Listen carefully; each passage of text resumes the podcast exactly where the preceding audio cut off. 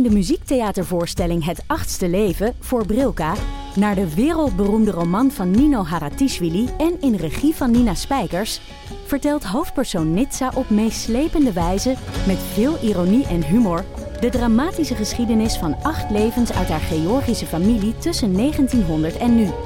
Een hartverscheurend en tegelijk troostrijk drama verteld vanuit het perspectief van vrouwen uit verschillende generaties waarbij het publiek meegenomen wordt op een emotionele, visuele en muzikale reis door de 20ste eeuw. Koop je tickets voor het achtste leven via oostpol.nl. Mijn naam is Botte Jellema. Jouw naam is Ipe Driessen. Wij zijn van De Eeuw van de Amateur. De Eeuw van de Amateur is een podcast die gaat over... Alles. Het is een eh, podcast over levenskwesties die je niet kunt googlen. Een soort licht neurotische blik op het leven. Het is een podcast met humor. Jezus. Kijk, een grapje. Die, die vragen durft te stellen en die je ook onbeantwoord durft te laten. Mooi. met een regenboogvlagje. Dat, dat noem je queerbotten. Dat uh, regenboogvlagje, dat klinkt echt als een soort... Uh, ik bedoel, iedereen is welkom. Kom ons luisteren in je favoriete podcast-app. Vandaag in de studio Daniel van de Poppen, bekend als producer van deze podcast en tevens de vriend van mijn co-host Nidia van Voorthuizen. Daniel, wat kom je doen? Om geld vragen. Sinds Nidia haar baan heeft opgezegd, teert ze op mijn zak. Wat een godspe. Die vrouw is godbeter te feminist. Ja, maar niet een financieel onafhankelijke vrouw. Dus alsjeblieft, luisteraar, geef geld. Als je ook maar iets om me geeft, doe het voor mij. Ga naar patreon.com slash damnhoney en doneer. Of niet, zelf weten. Hey, zijn jullie al begonnen? Joehoe, opletten nou, Damn begint.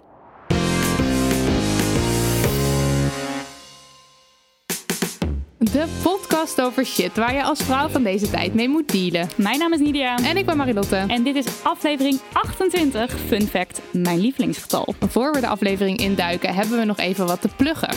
En het is de grote Damn Honey kledingruil. Naar aanleiding van aflevering 22, waarin onze gast Amy Demkens ons eens even haarfijn uit de doeken deed hoe fucked up de kledingindustrie is, riepen we jullie en onszelf op om drie maanden geen nieuwe of vintage kleding te kopen. En die drie maanden zijn bijna ten einde.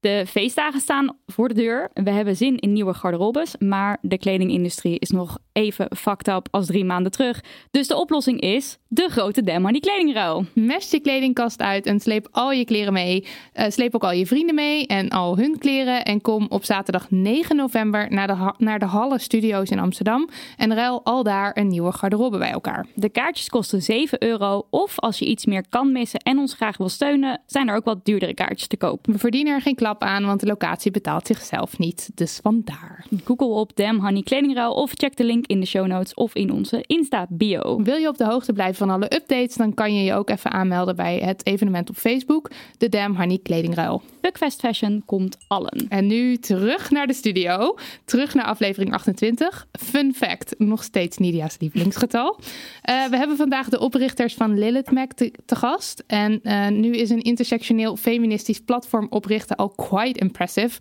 Maar daar houdt het niet op, want deze vrouwen vlammen zich een weg de wereld door. Uh, de eerste die ik aan jullie mag voorstellen is Hasna El Maroudi. Hasna is journalist, columnist, presentator, opiniemaker en eindredacteur. En on the side loop je zo nu en dan een marathon. Hallo. Hasna. Hallo. Wow. Nummer 2 is Clarice Gargaard. Ze is columnist bij NRC, vertegenwoordigt Nederland als VN-vrouwenvertegenwoordiger bij de Algemene Vergadering van de Verenigde Naties en gaf daar onlangs nog een ijzersterke speech. Ze is correspondent verzet bij de correspondent en ze won een paar weken terug een fucking gouden kalf voor beste korte documentaire De waarheid over mijn vader. Welkom Clarice. Dankjewel. Ik zeg, wat gaat ze nu zeggen? Oh ja, klopt. Oh ja, ja. dat ook nog. Kunnen we hem terugkijken ergens? Ja, op uh, NPO Start kun je hem gewoon terugkijken. Kijk, nou, en binnenkort staat hij ook op de correspondenten trouwens. En dan kun je oh, ook met mij in gesprek erover. Tof, cool. Uh, ja, zometeen meer over all things feminism. Maar eerst Marilotte, heb jij de afgelopen week nog iets uh, onfeministisch gedaan? Jazeker. Ik heb een uh, menstruatieverhaal. Um, want wie loft het niet? Uh, vorige week toen werd ik ongesteld, maar ik had het niet helemaal aanzien komen. Het kwam nog onverwacht. Uh, en ik was hier bij Nidia en ik ging naar de wc en ik dacht, oh, dit gaat mis. Uh, of nou ja, mis. Er zijn dingen aan de hand. En um, toen dacht ik, ik moet eventjes naar huis. Nou is het, mijn huis niet zo heel erg ver van Nidia's huis. Dus ik dacht, joe, ik ga even douchen, even omkleden en dan kom ik zo terug. Um, maar ondertussen was de boel dus op gang en uh, ik had al uh, allerlei vlekken in mijn broek, zag ik. En toen heb ik me dus onderweg van hier naar mijn huis heel erg druk lopen maken over of mensen dat dan zagen.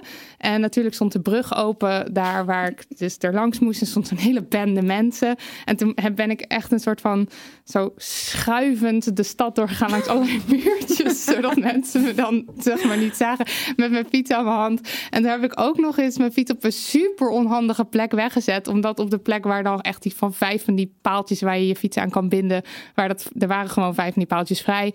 Maar ja, er stond een heel, hele groep mensen, mannen. En toen dacht ik, hu, als ze het maar niet zien. Dus toen heb ik oh, helemaal in allerlei moeilijke bochten gevrongen uit angst dat ze het zagen. En toen stond ik binnen en dacht ik, oh, zo teleurgesteld in mezelf. Dat ik daar al toch zo mee bezig ben dat mensen dan iets zouden zien. Want waarschijnlijk zien ze het niet eens. En als, wat dan nog? Want die dingen gebeuren. Dus dat was mijn onfeministische ding. Ja, ik snap het wel. ja, maar ik snap het wel. Ik heb daar dus nooit... Niet, ik vind het niet eens zo erg. Nee, ik dacht, oh, oh, mijn onfeminist verhaal is zo erg. Veel erger. maar ik maak me daar dus echt serieus nooit druk om. Ook als ik ga hardlopen, vooral op de dag, dag één dat ik ongesteld ben. Heerlijk, geen tampon in, geen maandverband in, gewoon rennen. Ja, zij gaat gewoon echt freerunning. Uh, maar in een tijd dan wel? Of gewoon ook in korte broek? Nee, wel in een tijd. Oké, ja. ja. Nee, nee mijn, mijn, dijen, mijn dijen die vinden een korte broek niet fijn. Sowieso niet fijn. Um, maar het fijne van, van een soort freerunning is dat ik dan de dag daarna misschien nog een beetje ongesteld ben. Dan is het gewoon voorbij. Oh, wow. Echt? Of gewoon een soort van alles valt eruit? Alles, alles valt eruit. Een soort lifehack. Ja, maar jij hebt een soort van regendruppels. Ik heb een soort van de zonnevloed. Ja, dus maar dat is ja, dat heb ik ook. Bij snap, daarom dacht ik, dus daarom denk, snap ik dat het zeg maar, weet je, oncomfortabel is. Ja. anders. Maar het is wel echt geen grap. Dus ja, nee, dat is heel intens. Met mij ook. Dus uh, als ik dat had, zou ik het ook doen, joh. Lydia. Ja, nou, uh, over hardlopen en lange korte broeken gesproken. De halve marathon was afgelopen uh, zondag en daar deed ik aan mee. Jee. En um, toen uh, had ik nog maar heel kort om me voor te bereiden. En toen dacht ik, oké, okay, korte broek, lange broek. En toen dacht ik, lange broek, want ik heb mijn benen niet geschoren en ik vind mijn benen wit en lelijk. En dat is eigenlijk heel stom. Ja. Want het was best wel warm. En tijdens heb ik ook nog wel een paar keer gedacht... ik liep met een vriendin die wel gewoon een korte broek aan had. ik dacht de hele tijd, oh ja, maar ook zoveel handiger geweest. Van hardlopen ga je er echt niet uitzien. Je hoofd wordt rood, je zweet je echt kapot. ik look fabulous als ik ga hardlopen. Make-up, alles. Ik had make-up op, want ik dacht als ik niet snel ben, dan ben ik wel mooi. Dit is echt waar. Oh, wordt steeds erger. is dat erg? Nee. Maar is het erger of minder erg dan die voor jou? Uh, nog steeds minder erg. Oh, nee, maar ongeveer hetzelfde. Ja, en ik heb ook nog een toevoeging voor de... Ik heb het okselhaar in mijn minst feministische. En ook dit keer weer. Het zal wel nu het eind van de okselhaar saga zijn, hoop ik. Maar ik had dus ook weer okselhaar. En toen had ik nog maar heel korte tijd. En ik had zelfs niet gegeten. Wat best wel handig is voor een halve marathon om even te oh, eten. Oh, Maar toen ben ik dus nog snel onder de douche gesprongen om mijn okselhaar te scheren. In plaats van te eten? Nou, er was ook geen eten in huis. Er was ook geen eten in huis. We are judging you. I am judging you. Maar ja, ik had die 10 minuten natuurlijk ook kunnen gebruiken om even snel de Albert Heijn in te duiken. Dat had allemaal gekund. Ja. Dat vind ik wel een goeie. Ja, ja. Nou, maar ja, het is wat het is. Hasna. Ja, ja ik, voel me, ik, ik dacht dus eerst het minst feministische dat ik gedaan heb de afgelopen week of vandaag. Ja, ik doe elke dag heel veel, niet zo heel feministische dingen. Vooral als het gaat om mijn dochter. Uh, lekker heel veel roze kleertjes aan. En heel vaak tegen haar zeggen dat ze er zo schattig uitziet. Terwijl ik dan vervolgens tegen mezelf zeg: hou op met dat doen. Um, maar wat misschien nog wat ergste is, wat ik eigenlijk zelf heel erg van mezelf vind, is dat ik de afgelopen week heel veel gedanst heb thuis op Robin Thicke en R. Kelly. Oh ja. Ja, ze zei het echt. Ze zei het echt. ik zei het echt. Terwijl ik een paar maanden geleden op de radio nog helemaal tekeer ging over dat je dat echt niet kan doen. Oh, maar als ze dit horen. Ja, kan dit gebliept worden? Ja. Erg hè? Maar ik was een beetje down. En dan is het heel fijn om heel hard te kunnen dansen op liedjes van vroeger. Maar er zit, toch, er zit toch een enorm verschil ook weer in, in het zelf luisteren en het op de radio afspelen? Nee man, nee, nee, nee. Vind je niet? Ik moet, als ik soort principieel wil zijn, dan moet ik het ook gewoon niet zelf doen. Ja. True. Maar wel eerlijk dat je het nu nou, gewoon ik, vertelt. ik snap wel het verschil als in je verspreidt het niet aan de massa als je het niet op de radio doet. Maar je luistert er dan wel zelf naar. Are you judging me? Yes, I'm judging Maar had je het illegaal gedownload? Want dat zou alweer beter zijn. Heb je ervoor betaald? nee, toch? Goeie vraag. Oh, het wordt Ik heb nog een CD. Ah, Oké, die wordt ritueel verbrand na deze opnames. Dat komt goed. Clarice. Ehm, ja. Ik kijk hele foute dingen. Zoals wat? Porno. ja. Nee, ik... eh, oh, wacht, er luisteren minderjarigen, sorry. Ehm Maar dat is leerzaam. piep. Eh, Maar dan ook vrouw, vrouwenvriendelijk. hè? nou, nou... Ja, dus. Ja, maar wacht. Ja. Vrouwenvriendelijk als in dat je weet dat ze er niet goed voor betaald hebben. Bedoel je, dan bedoel je dan toch? Of bedoel je dat ze niet behandeld worden op een respectvolle manier? Want dat vind ik niet vrouwenvriendelijke porno. Of bedoel je allebei? niet. Nou, ik weet niet, ik heb niet opgezocht hoeveel ze betalen. Nou ja, maar heb je het gratis gekeken of heb je ervoor betaald? Oh, dat bedoel je. Ja. Ja. Ja, Hasna ligt onder de tafel voor de luisteraar. ja, nee, ja, nou dat is bijvoorbeeld, dat- ja, nou dat. Niet nee, voor betaald. Nee, voor dat is betaald. natuurlijk hoeveel heel veel mensen het doen. Dat is Heel veel niet mensen raar. doen dat. Ja. Maar het is natuurlijk wel... En, en het is vaak vrouwenvriendelijk. Maar inderdaad, ik vraag me vaak af hoe vrouwenvriendelijk is het? Want ehm, het gaat om consent namelijk. En als je Ja. zeg maar... eh, maar ja, je weet niet tot in hoeverre iemand zich daarbij comfortabel voelt of Klopt. niet. Dus dat vraag ik me vaak af. Van, nou, hoe zou ze zich nu voelen? Dus dat is wel een beetje... Dat zit je dan wel denken. Ja, dat, denk ik- dat denk ik dan wel. en dan denk ik, oh nee, dit is erg. Nee, dit moet weg. Oh, dus ik heb wel een soort van een geweten die me checkt. Ja. ja, maar dat wil ik eigenlijk niet zeggen. Ehm, ik wou zeggen... loopt, dit loopt uit de hand. Wat wilde je wel maar, dat, maar dat is oké hoor. Nou, dat, eh, van dat scheren, dat heb ik ook. Want Oh, ik, ik volg Turkles tegenwoordig. En, eh, en een keer, ik, ik scheer niet heel vaak, zeg maar. Ik heb er ook heel, niet heel veel moeite mee. Zeg maar ik ben best wel behaard. Haren op mijn armen en zo. En ik heb bakkenbaarden. En vroeger vond ik dat heel erg. Dus het is voor mij heel emanciperend geweest om op een gegeven moment te zeggen... nee, dat, ik ga dat... Fuck die shit. Sorry, ik scheld weer. Dat mag allemaal. Luisteren minderjarigen. Nee, dat is allemaal niet erg. Oké, Word er zo hard van. Ja, een beetje opvoeding. nou, volk dat. Dus ik, ik, eh, ik laat het gewoon. Dus ook mijn okselharen laat ik ook vaak. Of scheer ik half dan. Of mijn benen. It's art. Ja, precies. Ehm, dus ook in mijn schaamstreek en zo. En dus, maar toen ging ik turken. En dan moet je zo'n kort broekje Oh, ja, aan. ja, ja. En soms moet je in elkaars gezicht turken. Deze verhalen zijn zo geweldig. En toen heb ik wel gezegd tegen degene in wie het gezicht ik moest turken van... Sorry, dat je... Dat je Ik heb hier nou... niet geschoren. Ja, dus je hebt je ervoor verontschuldigd. Ja, Terwijl het natuurlijk gewoon... Ja, nee, maar, ja, precies. Ja. Maar weet je, je bent dan zo geconditioneerd van... Oké, en ik bedoel, voor mezelf vind ik het niet erg. Maar als ik met mijn poen in iemands gezicht moet... Mhm. Die, die ik niet ken, een vreemde... En er hangen allemaal, allemaal krulharen uit... Komen allemaal krulharen uit mijn broekje. Dan vind ik wel dat je dat wel beleefd is om te zeggen... Ja. van, ja, sorry, weet je. Maar eh, ik heb het wel gedaan. Want ik, ik, ik ben dan niet zo dat ik denk... Oh, dan ga ik het niet doen. Ik Ja, heb maar het had ik dus wel- al niet gedurfd. Ja. Dus daar ga je al eigenlijk. Nee, ja, dus dan doe ik het wel. Maar laat ik gewoon van tevoren weten. Je gaat heel veel krulhaartjes zien. Dat je dat weet. En toen heb ik de week daarna heb ik wel Wat geschoren. was de reactie daarop? Van Zei de ze, andere? oh, dat had ik vorige week ook. Oh, nou top. en toen was, was er misschien geen waarschuwing vooraf. Nee, precies. Dus dat was helemaal prima. Maar toen heb ik de volgende week heb ik toen wel geschoren. Ja. En was ze toen blij? Nou, toen je ik weer iemand zelf anders blij? gezicht. Oh, ja. en zo gaan die dingen. Ja, precies. Je twerkt in het ene gezicht, je twerkt in het andere gezicht.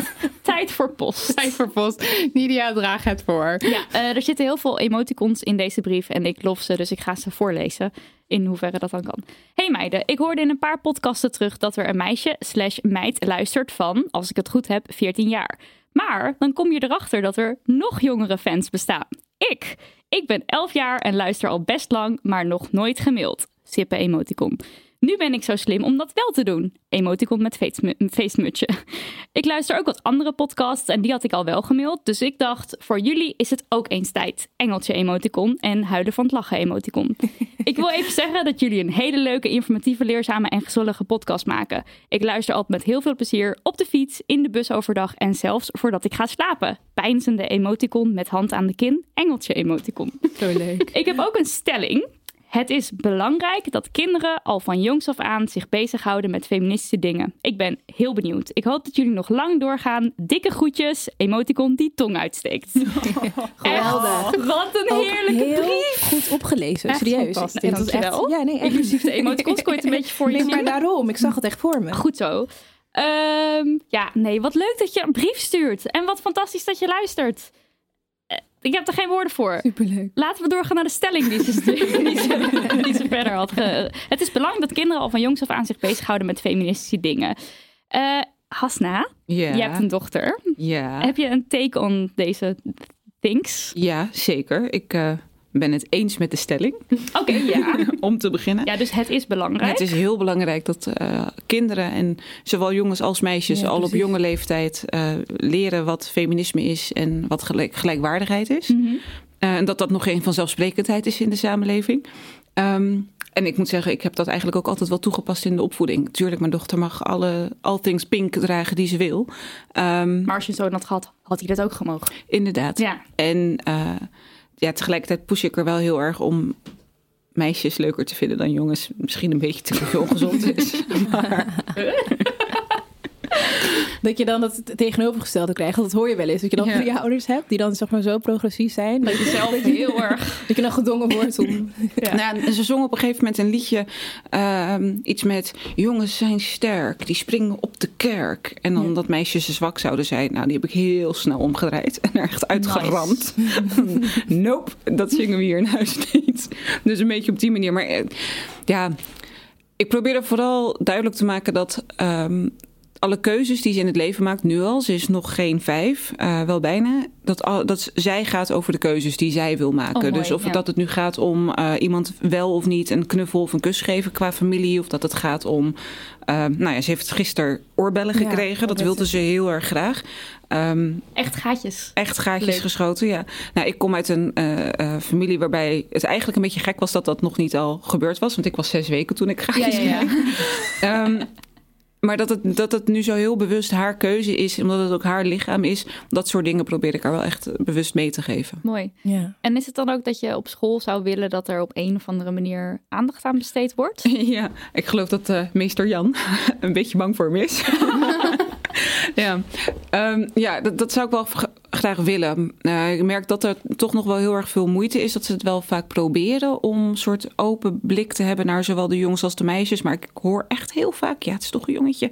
Of eh, de jongetjes en de meisjes. Dus dat er een soort Mhm. Onderscheid wordt gemaakt. meisjes, ja. Nou ja, ja, dat, maar ook vooral, kijk, dat, dat kinderen dat doen, dat is één. En dat is een soort reflectie vanuit hun ouders en van de opvoeding in de maatschappij. Maar de, de docenten hebben Mhm. toch ook nog een soort intrinsiek een soort idee van hoe de jongetjes zich zouden behoren te gedragen en hoe de meisjes zich behoren te gedragen. Ja. Ehm, en in oudergesprekken bijvoorbeeld met zo'n docent eh, of met zo'n leraar of lerares. Krijg ik dan wel, merk ik dat ze weten dat ik een feminist ben. En omdat mijn dochter wel eens t-shirts draagt met Wild Feminist bijvoorbeeld. Je zou het dan inderdaad... Ja, nee, dat is Ja. heel raar dat ze dat weten. Heel vreemd.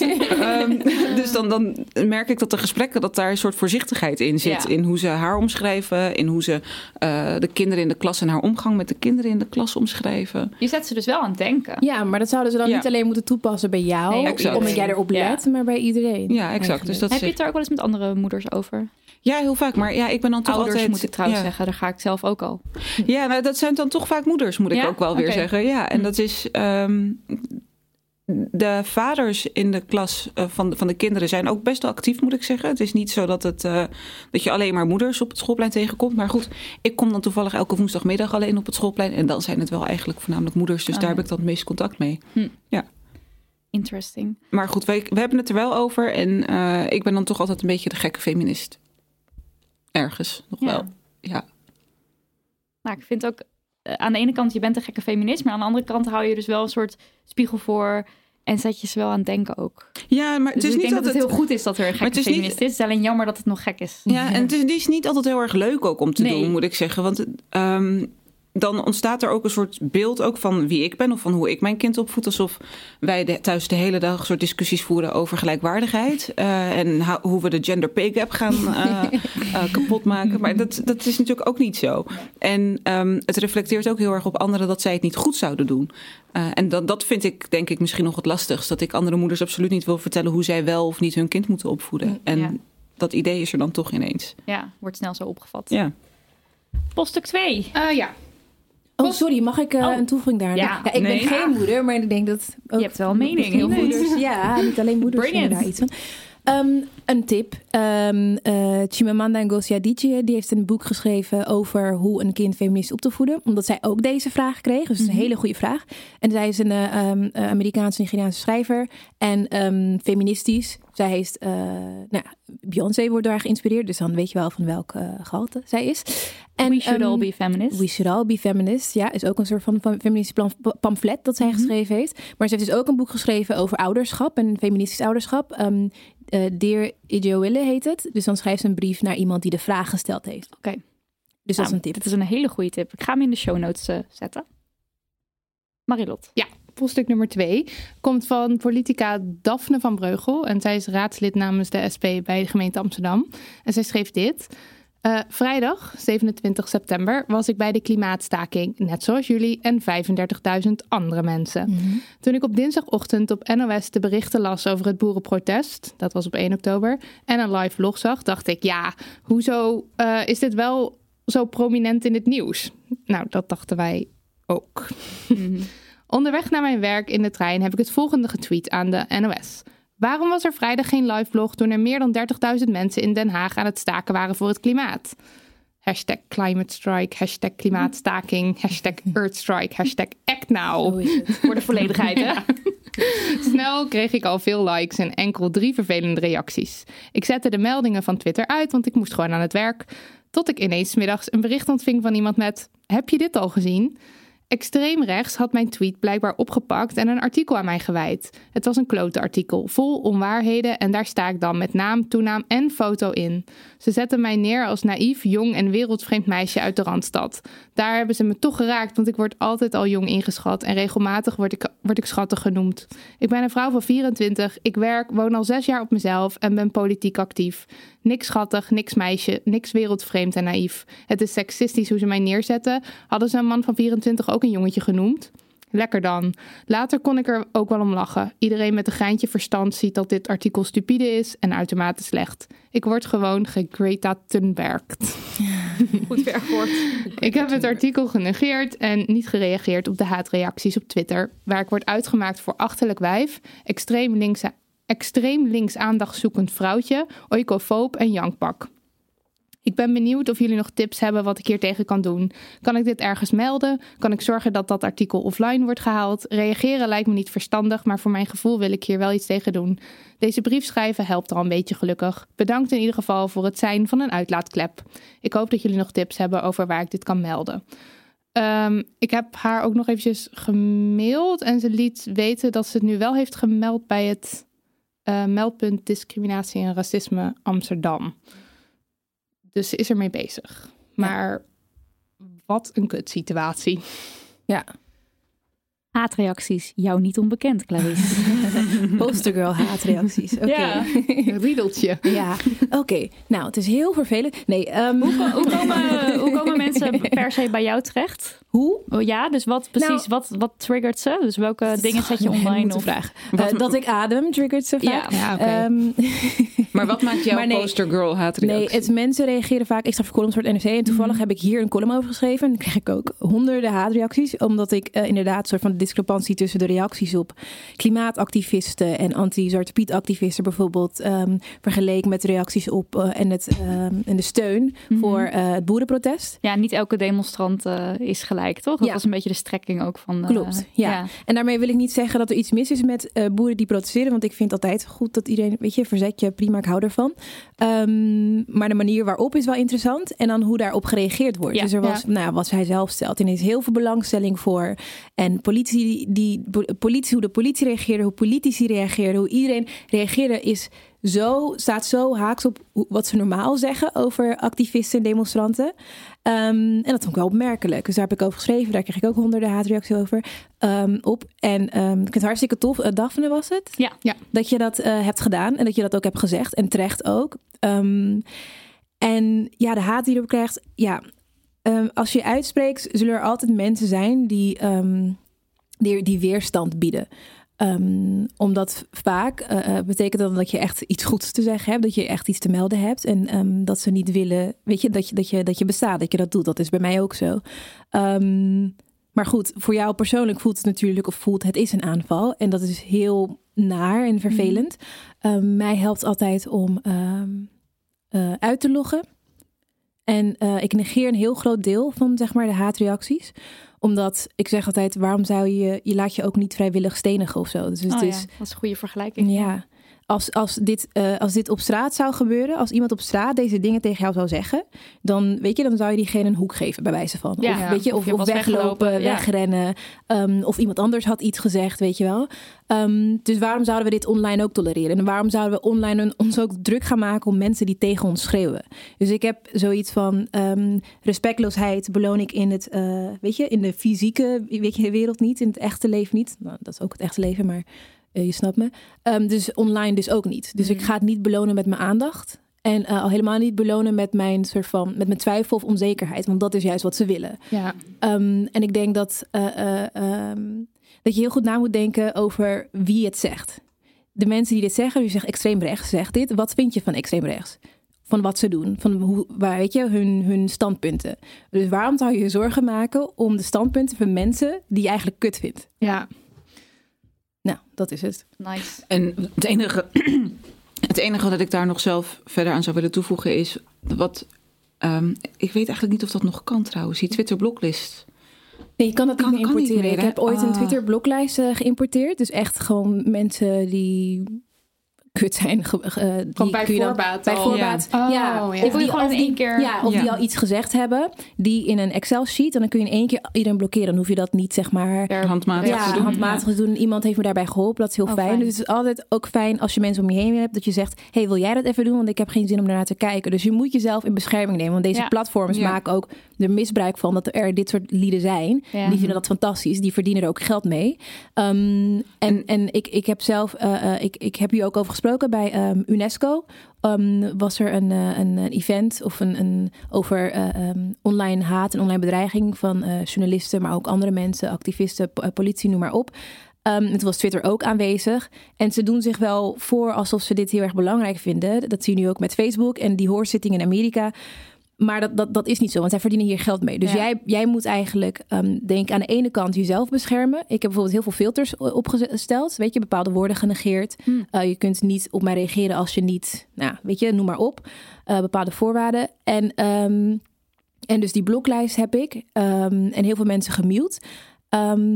En wat je ook zou kunnen doen, is dus vragen of anderen dat doen. En eh, eh, dat je het gemeld hebt, is al goed. Dus bij meldpunten discriminatie, dat kan je doen. En soms kan je aangifte doen. Dus op die manier soort van eh, ja, jezelf indekken eigenlijk. Ja, en wat dan ook nog eens fijn is, is dat je niet per se, stel nu dat er naast haatreacties misschien ook nog wel nog vervelendere eh, dingen op, af, op haar worden afgevuurd, zoals bij jou destijds ook het geval was, dus echt dreigementen, dat je daar niet zelf doorheen gaat zitten spitten om te kijken of er iets tussen zit waar je Ja. aangifte over kunt doen. Maar laat vooral de mensen om je heen of iemand die je vertrouwt dat doen. Laat Ja. iemand anders ook misschien wel Ja. gewoon inloggen op jouw account en Ja. dat eventjes doorspitten. Dat, Dat is een eh, hele goede tip. Ja, dat was, eh, dat was bij mij ook zo. Dat heb ik ook gedaan. Dus. Is echt, je moet jezelf beschermen en onthouden wie het zegt ook. En ik denk dat als mensen, als vrouwen al helemaal, dat het eh, makkelijker is om te focussen op de kritiek of de negatieve, negativiteit, zeg maar.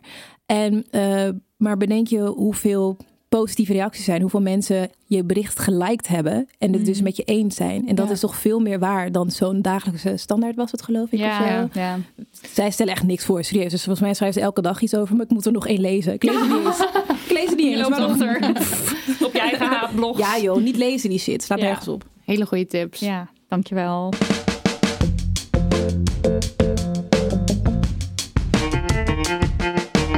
Het even hebben over feminisme en om iets preciezer te zijn over de vierde feministische golf.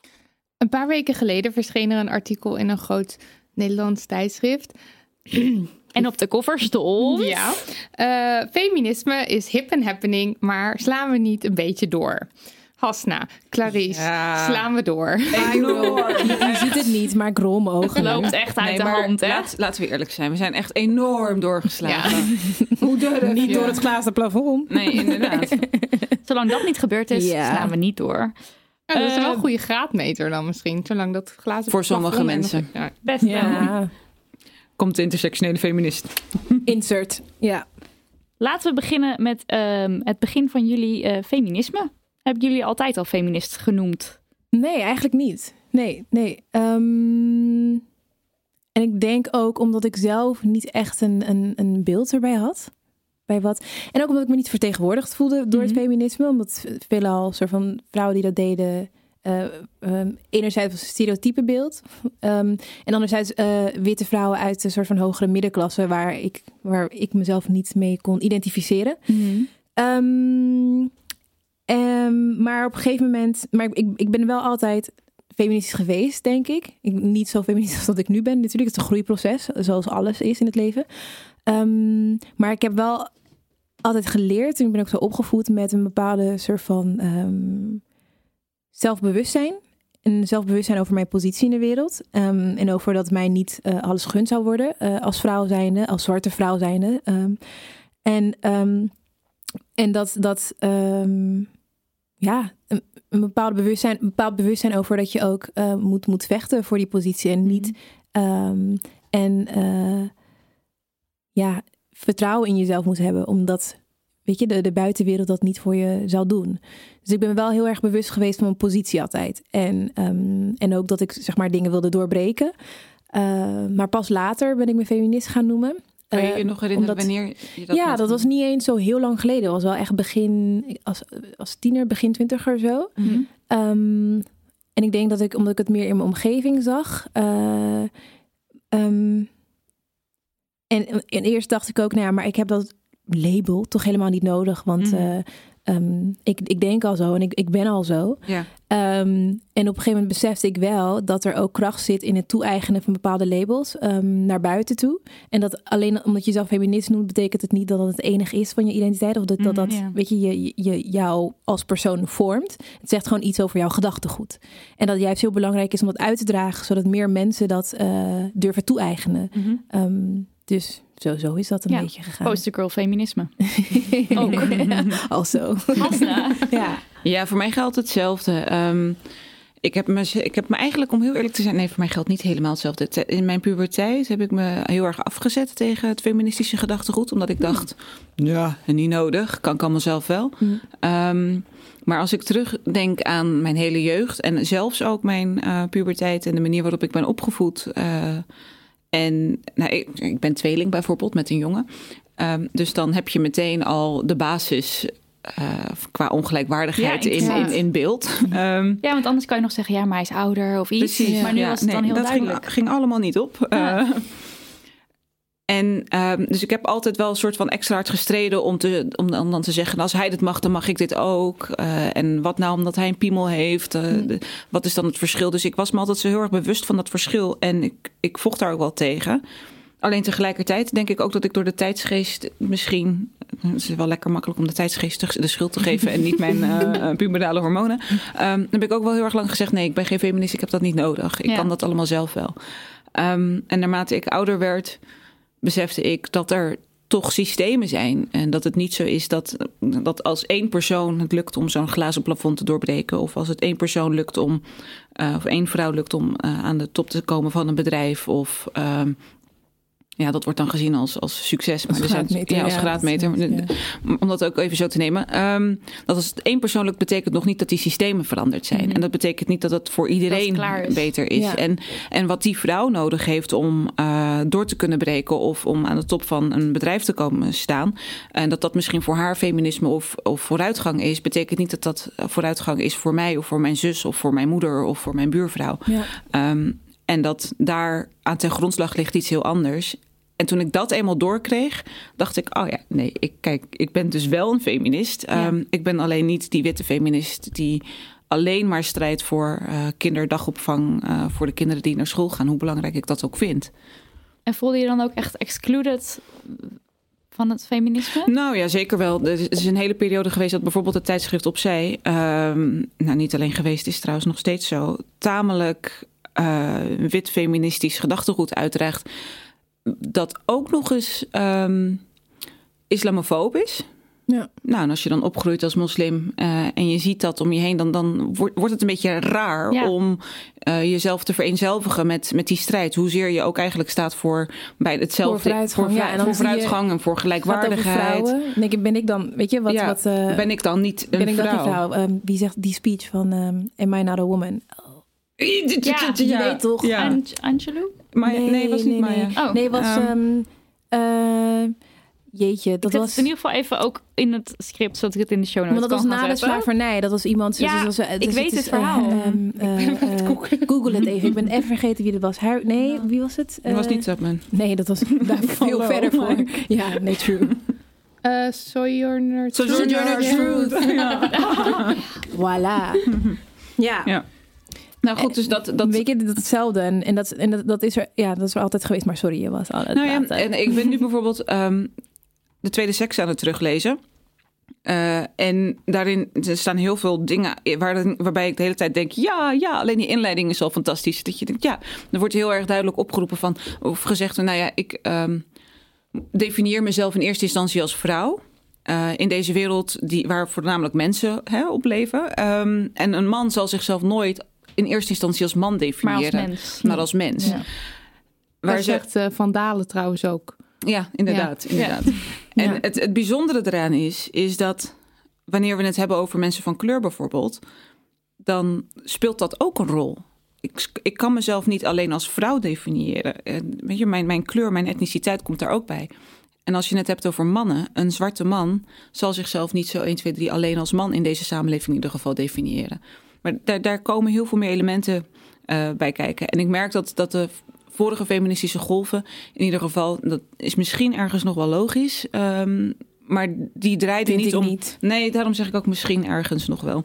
Eh, ehm, maar goed, daardoor merkte ik dat het voor mij niet... Ja, het was niet mijn soort feminisme, want het ging niet ook over mij. Het, Ja. het, het- Ja. dat nam niet mee dat ik ook te maken heb met islamofobie. Dat ik ook te maken heb met racisme. ehm, dat ik ook te maken Eigenlijk heb gewoon met jouw klassisme. volledige m- mens zijn. Ik bedoel, toch? Dat, dat je niet, dat je, je bent niet alleen maar een vrouw. En ehm, ook als je wit bent, ben je niet alleen maar een vrouw. We Mhm. bestaan als mens uit verschillende lagen en identiteiten. En sommige die helpen ons vooruit in de wereld. Mhm. En andere die ehm, houden ons tegen. Of we worden om die Maakt reden tegengehouden. Ja. Ja, dus ehm, eh, en, en ik denk ook dat het, dat het een ondienst is naar vrouwen of naar mensen, want het gaat ook over, weet je, transpersonen, non-binaire personen, om ze alleen in, in, in, soort van in, die, in die, die hokjes in te delen. Mhm. Weet je, want vaak wordt er gezegd, oh, maar als je zo kijkt naar mensen, ben je dan niet bezig met polarisatie of het Mhm. indelen van. Nee, de wereld deelt ons al in. Wij, Ja. Maak wij, niet, wij maak je niet het gewoon. ingewikkeld. Nee, want je, je, we zijn als mensen ingewikkeld. Inderdaad. En dat is dus eigenlijk wat, weet je, eh, in ieder geval het intersectioneel feminisme. We lopen misschien een beetje vooruit op de zaken, maar we zijn als mensen ingewikkeld. We, we, we zijn, eh, bestaan uit verschillende onderdelen. En eh, dat moeten we kunnen benoemen, omdat die onderdelen onze levens bepalen. Mhm. En of we volwaardige levens kunnen leiden of niet. Dus en, en, en vaak in de geschiedenis zie je ook dat. ehm, dat vaak vrouwen die aan de onderkant van de samenleving leven, eh, uit arbeidersklasse met een beperking, vrouwen met een migratieachtergrond, vrouwen van kleur, dat die Sekswerkers. sekswerkers, dat, dat die, dat die de, degene zijn die soort van bewegingen lanceren. En juist, of, of juist soort van, weet je, eh, ehm, het, het, het hardst getroffen worden door deze soort van eh, onderdrukkende systemen. Ja. En ook ehm, het hardst vechten. En als degene die zeg maar het meeste last ondervinden, ehm, vooruit kunnen, als we, als we die, weet je, hun levens verbeteren, dan wordt, wordt, worden de levens voor iedereen, wordt de levens voor iedereen beter. Ja, en soms vraag ik me dus ook wel af of dat, ehm, zeg maar, dat opzij feminisme daadwerkelijk draait om alles en iedereen. Of alleen maar om het mee kunnen spelen van het machtsspelletje, van het kapitalistische spel. Ja. voor een bepaalde groep mensen, Ja. eh, een bepaalde groep vrouwen. En niet Ja, daadwerkelijk dus dus de hele collectie, Ja, iedereen. maar dat is, dat is toch ook vaak onderzocht en bewezen dat dat, ehm, eh, zoals het Queen Bee syndrome. Mhm. Dus op het moment, nou, weet je, eh, ehm, in, in deze wereld zijn soort van witte cis het mannen aan de macht, toch? Mhm. En op het moment dat je bij de groep mag horen die aan de macht is, ehm, dat je er ook zo naar gaat gedragen. Of anderen die zeg maar net iets anders zijn dan jij of afwijken, uh, op dezelfde manier gaat behandelen zoals jij behandeld bent. Mhm. Omdat jij als voorwaarde dat jij bij die groep mag. Ja. Um, en, uh, en soms um, uh, jezelf ook heel erg bijzonder gaan vinden. Dus dat is Queen Bee syndroom. Omdat jij dan bij die groep mag en denken dat het jouw verdienste is. Mhm. En dat anderen, die net als jij zijn, dat die het dan maar niet goed genoeg doen. Precies. Ja, dit is natuurlijk heel veel gehoord van... Uh, ja, maar je, je moet gewoon je moet gewoon, up. En, het is je eigen schuld. En, ja, heel veel vrouwen zeggen ja. dat. Maar het, Ja. ja. en dat, dat, dat, dat, dat kan dus niet. Omdat Ja. er zoveel verschillende dingen zijn die, die ons daarvan uh, weerhouden. Ja. en ik wil dat ook helemaal niet. Ik wil niet meedoen aan een machtsspelletje Ja, want dat, dat andere tweede, precies. Wil je dat? Waarom voor zou je soort dat willen samenleving willen? Ja. Nee, precies.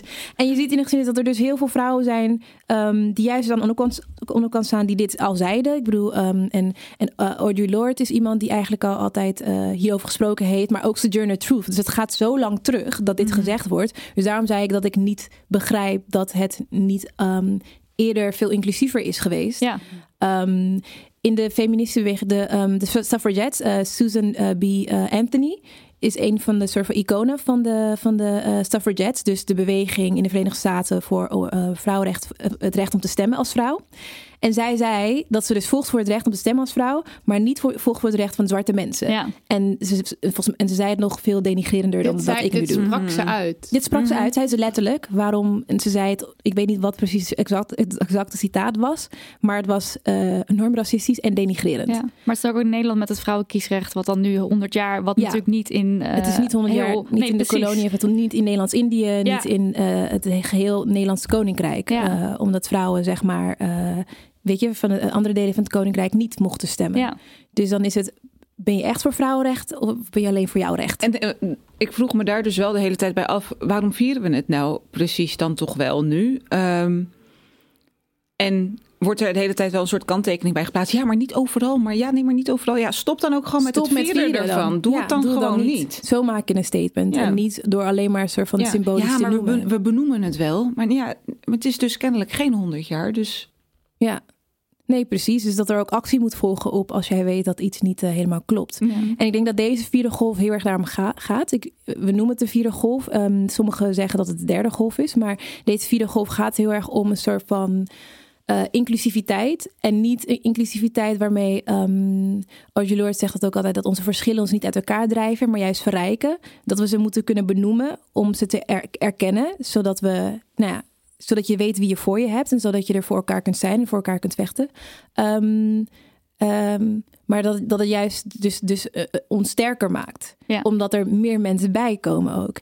En ik denk dat deze vierde golf ook juist niet voor, zelfs voorbij gaat aan identiteit. En het gaat over wat voor wereld wil je in leven. Welke systemen um, ja, houden, weet je, zijn, zijn onderdrukkend en houden zeg maar ongelijke machtsverhoudingen in stand. Dus ik, ik heb het idee dat het, dat het, het feminisme veel kritischer is gaan, uh, geworden. Mm -hmm. um, nou, meer mainstream, want het is altijd al zo geweest, maar het is nu meer mainstream. En kritisch na is gaan denken over, oké, okay, maar het gaat niet alleen maar over, oké, okay, we moeten vrouw op deze positie. Nee, dat is window dressing. Het gaat erom um, dat je keuzevrijheid hebt, dat, er, dat, we, dat we een wereld creëren, een duurzame wereld, weet je? Ja, en het gaat over ook dat je andere, andere vrouwen um, meehelpt. Dat je, dat je het niet alleen voor niet jezelf voor beter jezelf, maakt, ja. maar dat je anderen ook naar voren Ja.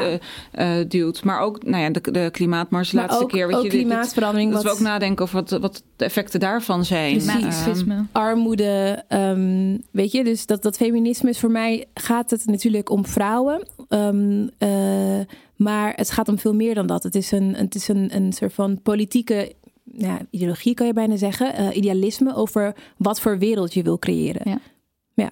En als we dan Ja, even, sorry, sorry, ja. ja, als we terugduiken uh, de golven in, want we hebben het dan nu over de vierde golf. En Ja. ik denk dat veel mensen dan denken, waar, hebben, waar gaat het nou de hele tijd over? Golven, wat voor golven? mhm. Uh, kunnen jullie een, kort uitleggen we- welke golven we dan nu gehad hebben? Eh, Ik denk dat de eerste het Ja. meest um, daar de Duidelijk liggend Ja. is. ja, en Tweede ook. ja, de derde golf daar, ik weet ook niet zo goed wat dat dan precies is geweest. Nou, dat, nou, misschien beginnen Laten we beginnen bij nummer- Ja, ja. wat was Ja. de eerste? Jij mag, ik heb heel veel gesproken. Ja, de eerste golf eh, wordt hier gezien als de golf waarin we voor stemrecht. eh, ja. we zeg ik, ik was er nog niet. Maar dat, er, dat er gevochten werd voor stemrecht of gestreden voor stemrecht en kiesrecht. Ja. Ehm, De tweede ging heel erg over baas en eigen buik. Ja, abortus, Uh, abortusrechten, zelfbes- de zelfbeschikkingsrecht, zelfbeschikking, ja. Ehm, en die derde, daarvan weet ik dus niet zo goed of welke Nou, de derde- dat was. wordt gesteld dat dat ging over voorbij zelfbeschikkingsrecht en ging ook over een bepaalde seksuele vrijheid. Ja, Ehm, en, en voor, voorbij soort van ehm, ehm, ehm, reproductieve rechten, maar echt over ehm, je lichaam bezitten, seksueel vrij zijn, seksueel moraal. Ehm, dat, daarom wordt dat dus als een soort van tussen derde beweging gezien. en waar wanneer was dat dan? Ja, wanneer, was dat dan? ja, was, ik ben is dus dat, heel slecht in data, Ja. dat moet je me echt niet vragen. in, in mijn, mijn ehm, feministische tijdlijn gaat een beetje volgens de boeken van Anja Meulenbelt. Ja, nou dat is een hele goede tijdlijn, denk ik. ja. Dus dan schat ik dat dan zo in ergens rond de jaren negentig. Ja. Alleen, Ja. ehm, hè, er, was, 80, 90 denk Ja. ik, ja. er was op dat moment niet, geen internet of net in opkomst. Eh, Haast niemand had dat. Dus ik denk dat die golf die ging misschien ook net om iets minder sterke, eh, duidelijke punten. In die zin dat, dat je, als je een abortuspil wilt, zoals we dat onlangs hebben gehad, dan heb je een soort heel duidelijk Hele herkenbaar ding concrete, waar je tastbare Ja. soort van resultaten. Ja. En dit ging om iets dat, ja. En dat maakt. En, en ik weet ook Ontastbaar. niet, oprecht niet, hoe ehm, groot die golf was. Eh, van de tweede feministische golf Ja. weten we dat die groot was. Van de eerste weten we dat ook en wat daar de gevolgen vervolgens van waren. En eh, van de derde niet helemaal. Of is dat trouwens wanneer eh, b- verkrachting natuurlijk ook strafbaar is gesteld? Bedenk ik me nu ineens. Maar... Ik denk dat dat toch bij de, ik denk bij de ook dat het bij de tweede was, ja. Maar dat weet Nee, ik niet nee, dat is heel, Maar- dat is heel laat pas strafbaar wel? gesteld. ja. Maar we- dit is eigenlijk ook precies het. eh, Maar dit is wat dus voor een kritiek je zou kunnen Ja. leveren op het idee van golven. We kregen een leuke mail van Margot, een van onze luisteraars. En die zei van: Oh, ik zag dat jullie het eh, over vierde feministische golf gaan hebben. En ehm, zij heeft zelf eh, is ze bezig met een scriptie. En ze wilde graag een stuk insturen van historicus Petra de Vries. Mhm. En Petra de Vries die legt in dat stuk uit dat eh, met, het, met het, eh, het beeld van een golf, dat doet denken alsof er dus een begin en een eind, Eind is. is, ja. En alsof er dus een soort tussenperiode is waarin er eigenlijk niks gebeurt. Wat natuurlijk niet zo is in de werkelijkheid. Eh, en het- ze zegt ook dat het lijkt alsof er een eenheid is in ideeën en overtuigingen tijdens de golven. En ehm, eh, dat het ook doet denken alsof, alsof feministen dan eh, in elke zijn. golf, ja precies. Terwijl de feministen van de eerste golf, dat waren heel, of nou vrij conservatieve protestantse vrouwen. Ja, precies. En eh, bijvoorbeeld de tweede golf heb je ook de lesbische guerrilla. Ja. En dat heet allebei feminisme. Dat heet, dat is ook allebei dan een golf. Maar dat zijn eigenlijk hele andere groepen. en heel cool. andere denkbeelden. ja, super cool. hele andere denkbeelden. Dus dat er ook nog wel wat haken en ogen zitten aan het idee van golven. Ja. Tegelijkertijd, ehm, het idee dat we nu in een vierde feministische golf zitten met z'n allen, vind ik een fijn idee. Ja. Zo van, Ja. we zijn wel bezig zijn met bezig, z'n ja. Ik- allen met iets. Ik denk dat je het, zeg maar, wetenschappelijk natuurlijk, dat het dan niet stand houdt, weet Mhm. je. Maar dat het meer gaat om ehm, het eh, vastleggen van een bepaalde periode. ja. Ja, mag ik Ehm, heel even als zeggen houvast. dat ik de discussie over de hoeveelste golf het is echt onzin Maakt Ik vind. het ook Echt, niet interessant. echt, nee, precies. Who cares? Ja. Ik denk dat het gewoon in elkaar, het vloeit in elkaar over. En wat je zegt. Ja, inderdaad. En weet je, dat, dan is er misschien een periode, een, die is er denk ik wel geweest, dat men eh, minder actief was. Dat omdat absoluut- we ja. dachten, we zijn er wel. Ja, En Ik hoor het altijd van oudere Ja, vrouwen. Dat zij zoiets hadden van... Hey, Oh, hey, maar precies wat jij zegt. Dat dan, eh, want ik had bijvoorbeeld iemand van eh, Paarse September. eh, was het Paarse September? Die lesbische, radicale lesbische groep in Nederland. Ehm zij waren heel grappig. Ze hadden ook een maandblad en zo. En, ehm, en zij, en zij eh, vonden andere activisten maar zo van Twitter bellen ook en zo. En zij hadden een soort van lesbisch zijn ook als politieke identiteit uitgeroepen. Omdat dat op, op dat moment, weet je, in, in, in, in die periode ook heel politiek was. Mhm. En dat zij ook zoiets hadden van, ja, dus je moet dat ook zo uitdragen. Ehm, ze waren ook best wel radicaal en heftig en zo. En super cool. Maar ik sprak dus iemand eh, daarvan. Had ik een keer een uitwisseling ervan. En zij zei dat, ze, dat het heel jammer was. Dat, ze- dat ze merkte dat bepaalde vrouwen op een gegeven moment... toen ze erbij mochten, toen ze op de werkvloer mochten... toen ze weet je, bepaalde ehm, privileges kregen eh, die, de, die de macht heeft... Dat ze, zich, dat ze toen zeg maar de strijdbijl gingen begraven. Ja. En dachten, oh nou, nu is het Nu klaar. Nu, er. is het, nu, nu Mhm. ben ik er. En dat je er dus vooral bent voor je eigen vooruitgang. En Ja. niet ziet dat dezelfde dingen waar jij tegen vocht, die zijn er nog steeds. Alleen ehm, eh, anders gemanifesteerd. En ehm, ik vond het ook mooi dat Hedy eh Dacona, die zei dat laatst bij een event dat Hasma moest, moest presenteren. Hasma? Hasna moest presenteren. Ik was te snel aan het praten. Ja, we zijn net een getrouwd stellen, serieus. Het is heel vermakelijk wel hoor. Gewoon hier gewoon heel lang ik naar ook kijken. gewoon Ik glunderend kijken zo. Popcorn erbij. Maar schatje, waarom zeg je nou, we zijn net een getrouwd stel? Ja, we zijn ook getrouwd, hè? Ja. Er was wel eventjes op Twitter en Was het even idee een- dat, het idee dat mensen getrouwd dat jullie, ja, Workwives. Ja. maar die, die zei dat ook heel goed van eh, dat andere vrouwen dus, nou ja, wat wij net ook zeiden, dat, dat, je niet, ehm, dat je niet vanuit kan gaan dat omdat iemand een vrouw is, dat ze dan ook soort van dezelfde progressieve politiek bedrijven. Mhm. En dat ze er misschien ook alleen maar zitten voor zichzelf en juist heel erg het groot, voor het groot kapitaal gaan of wat dan ook. En zich Ja. gaan gedragen zoals de macht. Ja. Maar terug naar de golven. Ja. ik, ja, ik vind het inderdaad heel fijn om te weten dat het ergens voelt het een beetje soms een beetje gek dat eh, feminisme nu mainstream is en dat het hartstikke hip is om t-shirtjes te kunnen kopen in de winkel waar aan feminist op staat of Ja. an- allerlei andere leuzen. Maar tegelijkertijd sterkt het me wel in het idee dat ehm, veel meer jonge meiden eh, en jongens doordrenkt raken van, van, van deze gedachtegoed en, Mhm. en doorhebben wat dit betekent. Ehm, en dat we met zoveel zijn. Dat we met zoveel meer zijn dan ik tien jaar geleden had kunnen denken. Ja. En het is niet meer een vies woord. Het is geen vies woord meer. nou, tien sommigen wel, sommigen wel. Ja, maar over dat zijn geen mensen. Oeh, was nou Maar het kritiek, de kritiek op eh, de, deze golf dan nu is dat het te veel bestaat uit eh, futiliteiten en dat het te versplinterd is. Oh ja, dat wordt vaak gezegd, maar, dat is echt niet zo. Non een futiliteit. Wat is dan- James Bond is een vrouw. Okselhaar Eh, van we, Famke we juichen Louise. als Famke Louise met okselhaar op de cover staat. Eh, straatnamen Ja, maar hij- van, van Je vrouwen. kan niet eens meer de rekening betalen als je man bent en je Of gaat date. Sterker nog, je mag de deur niet eens voor me openhouden. nee, ik denk dat... Het is ook heel Ja. moeilijk hoor, nu. Ja, man te zijn. je keek even heel dat serieus. op te staan en weg Ik dacht ook, wat? Nee, maar Nee, dit zijn snap- voorbeelden uit het eh, Nee, nee. FIFA-artikel wat Nee, we net eh, Oh, aanhaalden. Ja. ja. Daar staan dit soort dingen dus in. Dat we Ja. dus aan het doorslaan, want we slaan zijn, want we vinden James Bond blijkbaar belangrijk. En dat we thuisblijfmoeders met z'n allen de, de emancipatie eh, vinden Oh tegenwerken. ja, want dat doen wij namelijk Nee, maar ik vind niet. Ik, vind, ik denk dat er verkeerde ideeën bestaan over wat eh, Nou, eh, feministen doen. En ik denk dat ook de ene feminist niet de andere feminist is. En ik denk dat ehm, ehm, sommige dingen lijken misschien heel futiel of banaal, maar dat heel erg gaat. Kijk, ik denk dat ehm, dat verschilt per land. Ik denk dat voor sommige landen eh, bepaalde wetten misschien nog wel nodig zijn. En overigens in Nederland zijn er ook bepaalde wetten nog nodig. Ehm, maar wij hoeven hier de wiel niet opnieuw uit te vinden. Maar het is meer, we moeten hem blijven aandraaien. En ik, en ik denk dat alleen omdat er in de wet verankerd staat dat we gelijkwaardig zijn, dat niet betekent dat het in de praktijk zo is. Nee. En hoe veranderen dingen in de praktijk? Niet door mensen te bevelen om het te doen, maar door eh, bewustwording en door ehm, eh, hoe wij denken over nou wat hoort. Wat hoor je te doen als man, vrouw of trans of non-binair persoon? En dat verandert alleen, die beeldvorming, als je. ehm, als je, eh, als je iets anders laat zien. Dus dat James Bond een vrouw is, is niet soort van. Ik bedoel, ik ben daar niet per se heel erg in geïnvesteerd. Maar het laat, ja, maar het laat wel zien dat, ehm, dat een vrouw zoiets kan doen. En volgens mij is er ook een zwarte vrouw die Ja. James Bond is. Bijvoorbeeld, en om een voorbeeld te geven, een heel concreet voorbeeld. Ehm, iemand zei, ik weet niet meer waar het was, maar gaf anekdote dat.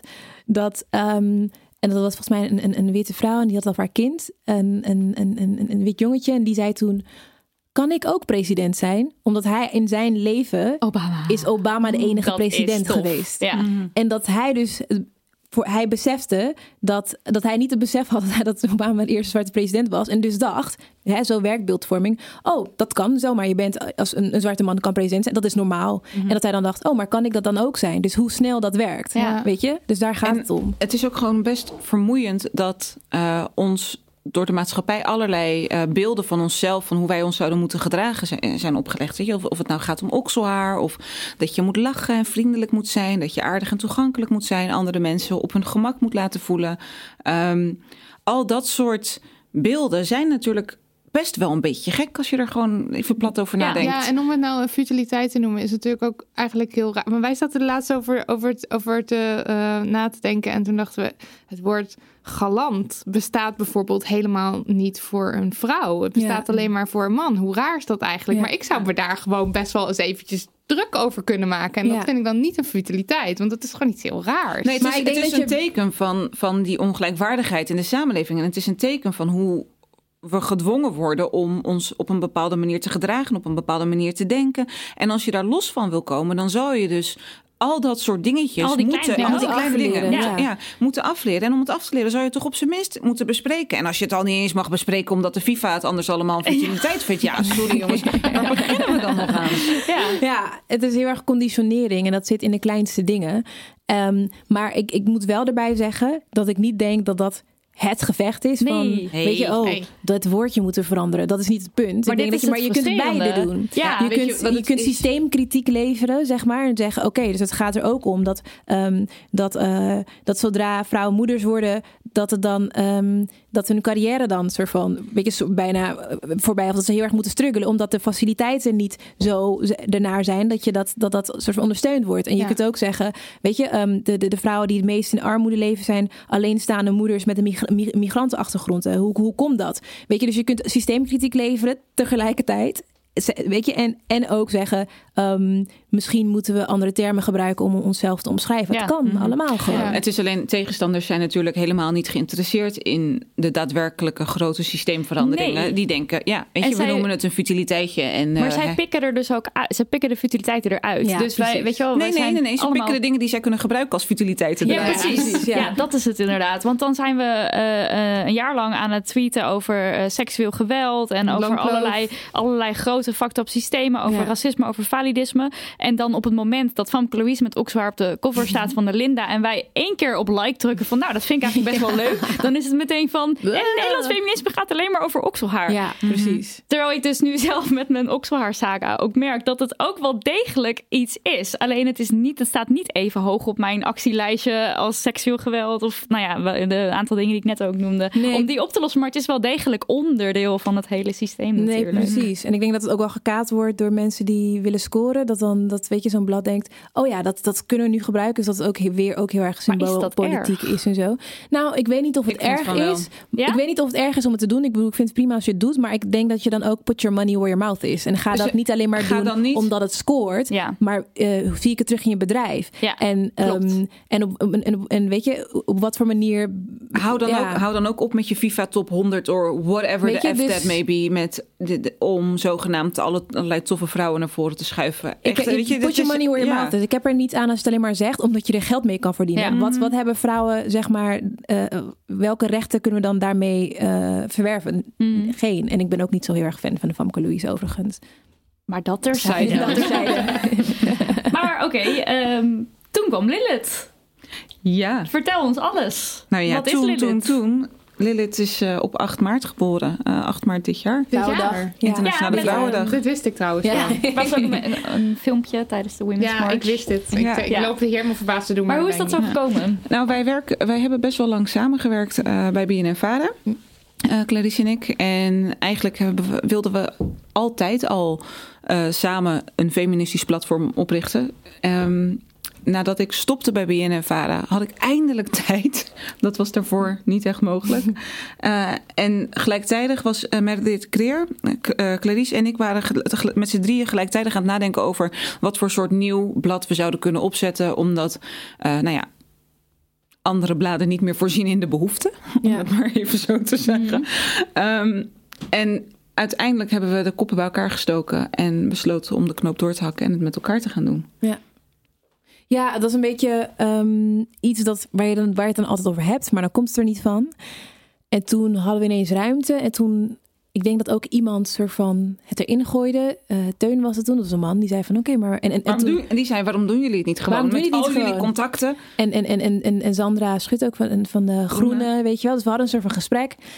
En toen ehm, was het ook ideaal, want ik was dit, dat jaar het VN Vrouwenvertegenwoordiger. En toen was het van, oké, dit is dit alles komt gewoon, valt gewoon samen. En dit, weet je, kunnen we in- mijn, in mijn termijn doen. En het dan ook naar een soort van hoger niveau tillen. En ook Mhm. naar het, weet je, internationaal. En, ehm, en want dit is ook wel heel erg wat, wat, er, wat er mist in het ehm, Nederlands publieke En debat en mediadiscours. Jouw functie van VN-vrouwvertegenwoordiger, althans in de, de voorgaande jaren was het tamelijk eh, onzichtbaar. Ja, En nou ja, de- jouw bedoeling is altijd geweest om, oké, ik, ik ga dit doen, maar ik wil dan wel dat Nederland weet dat, dat deze functie bestaat en Ja. wat deze functie behelst en wat de VN eigenlijk in godsnaam doet op het gebied van vrouwenvertegenwoordiging. Ja. Want, want dat was ook heel erg onbekend. Ja, ja dus het, het, het viel heel Ja. goed samen omdat, omdat ehm, nou, we hebben bijna best lang in de media gewerkt, als journalist en pro- programma et cetera. En we wilden gewoon alles bij elkaar brengen. Ehm, ook omdat we merkten, uh, uh, tenminste in mijn functie wilde ik um, ook iets doen met de zichtbaarheid van vrouwen en andere gemarginaliseerde groepen. Um, uh, voor de representatie, maar ook voor de participatie. Omdat representatie, nou ja, wat we al in dit hele gesprek zeggen, is niet als je niet mag meebeslissen. Dus je mag aan tafel zitten, maar je mag je bek niet opentrekken. Weet je, wat fuck is dat? Dus dat dat heel belangrijk is. Um, en toen uh, um, dacht ik ook in deze functie is het juist belangrijk om duidelijk te maken dat, dat, we, dat we dit kunnen doen. Ja. Dat, we, dat we, weet je, dat je naar de VN kan gaan en mag speechen. Dat je zo'n functie hebt en dat je je stem mag laten horen. En op de manier waarop jij dat wil doen. Ja. Um, dus, uh, uh, dus alles kwam gewoon, zeg maar, het, het kwam gewoon samen. En toen, uh, toen, toen ontstond Lilith eigenlijk. En toen, ja, en met Lilith bieden jullie, bieden jullie een platform ook voor andere mensen om uh, ja, ja, juist te ja, schrijven? Juist, ja. Ja. ja, de bedoeling uh, van Lilith is... Um, in eerste instantie hebben we het met z'n tweeën enorm uh, getrokken... omdat je iets moet opzetten Mhm. mm -hmm. natuurlijk. Um, maar de bedoeling is wel nadrukkelijk dat we andere schrijvers, schrijfsters, jonge mensen die de eerste stappen zetten ja. uh, de journalistiek in helpen om uh, zichtbaar te worden, um, hen een beetje kunnen vormen en ja. um, mede ook onze contacten daaraan kunnen helpen om te zorgen dat ze straks ook weer door kunnen stromen. En, ja, uh, nou, het is meerdere, meerdere dingen. Dus het is eigenlijk allereerst zijn we een mediaplatform, dus we, we willen gewoon um, een ander perspectief geven op uh, nieuws, politiek. Um, noem maar op. En we zijn een soort van combinatie van lifestyle en uh, journalistiek en, en, en, en, politiek. Omdat we denken dat je niet hoeft te kiezen. Dat wordt vaak gedaan als, nou, als je vrouw bent of als je feminist bent, moet je of kiezen of je een soort van lipstick feminist ja, of precies, zo, weet ja. je, high fem. Of dat je een soort van radicaal, activistisch. Nee, ja. maar wij, wij zijn best wel beide. Als in we houden van mode, we houden van om er leuk uit te zien. En we houden ervan. Uh, om radicaal te zijn. Het is zo jammer dat de mensen van onze outfits niet kunnen zien. Ja, we maken een Er wordt ook nooit over mijn outfits gesproken. Dat vind ik echt heel jammer. Nee, maar dat is omdat je altijd naast Hallo. mij loopt en eigenlijk. Sorry, maar in jouw huis? Ja, jouw maar over Oh ja, serieus? Er worden foto's ook doorgestuurd. Yes. Gelukkig. Ja, ja. geweldig. Eindelijk. Okay. Erkenning. Geen zorgen. Dankjewel. Ja, want je, weet je, we zijn, je bent zeg maar, nou ook hierin meerdere dingen, toch? Niet, ja. Klopt, van, je bent niet alleen maar je brein. De mensen die je volgen, die, weten paniek, dit, hoor. Die weten nee, maar die hebben ook de paniek niet gemist toen je koffer kwijt was. Oh, toen ja. we bij de VN Toen waren wij bij de mijn koffer echt gewoon drama. Gewoon drama. Geen kleding, geen make-up, hoe dan? Maar goed. Dat terzijde. Dat terzijde. Um, dus we zijn een mediaplatform. We geven ander uh, perspectief, echt maar vanuit een intersectioneel perspectief. Dus op gewoon, weet je, wat er in de wereld gebeurt. Om een voorbeeld te geven, we hebben een, een, een uh, verslag gedaan van uh, wat er in de VN gebeurt op het gebied van vrouwenrechten. Um, en hoe erg de Verenigde Staten eigenlijk de VN een beetje gijzelen, omdat zij daar heel veel macht hebben. En omdat, samen met een aantal andere, samen met een aantal andere landen, landen. Rus, Rusland, Saudi-Arabië, Bahrein, Soudaan, het Vaticaan. En dat ze dan de Unholy Alliance noemen ze dat. Very unholy. Yes. en en um, dat ze dan een beetje de VN gijzelen en eigenlijk vrouwenrechten en andere, weet je, mensenrechten, LHBTI-rechten ook een beetje soort van terug willen dringen. Um, en dat zegt iets over, zeg maar, de politieke staat van de wereld. Ja. Als in, in het grootste, belangrijkste multilateraal orgaan dit soort, ja, gijzelingen, gijzelingen plaatsvinden. plaatsvinden. Ja. En, en dat, dat is heel belangrijk en dat is nieuws. Maar er wordt niet zoveel over bericht gegeven. Dus dat zie je wel echt ingewikkeld is. Thema. Het is ook ingewikkeld. Ja, nou, dus, dus, eigenlijk... dus als voorbeeld. Dus dat is zo'n thema die, waar wij dan wel aandacht aan besteden. Ja. Um, en dat willen we dus doen. En, en dat willen we doen op het gebied van uh, mode en lifestyle, op het gebied van politiek, et cetera. En daarbij willen we het door mensen laten doen die minder gezien worden, Mhm. mm -hmm. die minder aan bod komen, die minder ervaring hebben. Um, dat. En, en daarnaast organiseren we events. Uh, over dit soort thema's met mm -hmm. verschillende mensen die uh, nou, het, ons feministisch gedachtegoed ja. ondersteunen. Nee, een, paar, een paar maanden geleden is uh, Soraya Shamali, uh, de auteur, naar Nederland gekomen. Uh, Amerikaanse een, auteur. Ja, ze heeft een boek geschreven over woede, Rage Becomes We hebben Her. het er uitgebreid over gehad. Ah, okay, was toen onze nummer één uh, gastkeuze, maar toen kon jij niet. Ik weet niet oh, of je ja, dat nog weet. Ja, dat weet ik nog wel. Oh, sorry Meredith.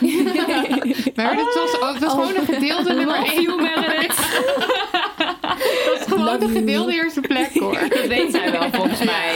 Ja. We love you, we love you, we love you. Ja, en Meredith is ook een beetje Lilith, want ze was er aan het begin bij. Ja, dus dat hoor ja, ja, ja, dat wist wist jullie niet, ook maar... pluggen en alles. Ja. Dus, uh, ja. Maar anyway, toen hebben jullie die avond georganiseerd. Er is ook een podcast overigens van verschenen, dus die kan uh, mensen terugluisteren. Uh, maar wat zijn de grote thema's volgens jullie binnen de vierde feministische golf? Dus waar besteden jullie aandacht aan op Lilith? Het is natuurlijk een hele brede Het vraag heel ook. breed, Ja. maar ik, ik zou zeggen, eh, ik denk dat het overkoepelende is dus systeemkritiek. En dat kan al, dat, en dat zijn weet je, verschillende systemen, ongelijke machtsverhoudingen. Ehm, als je het hebt over eh, racisme, over ehm, vrouwenrechten, ehm, over eh, klimaat.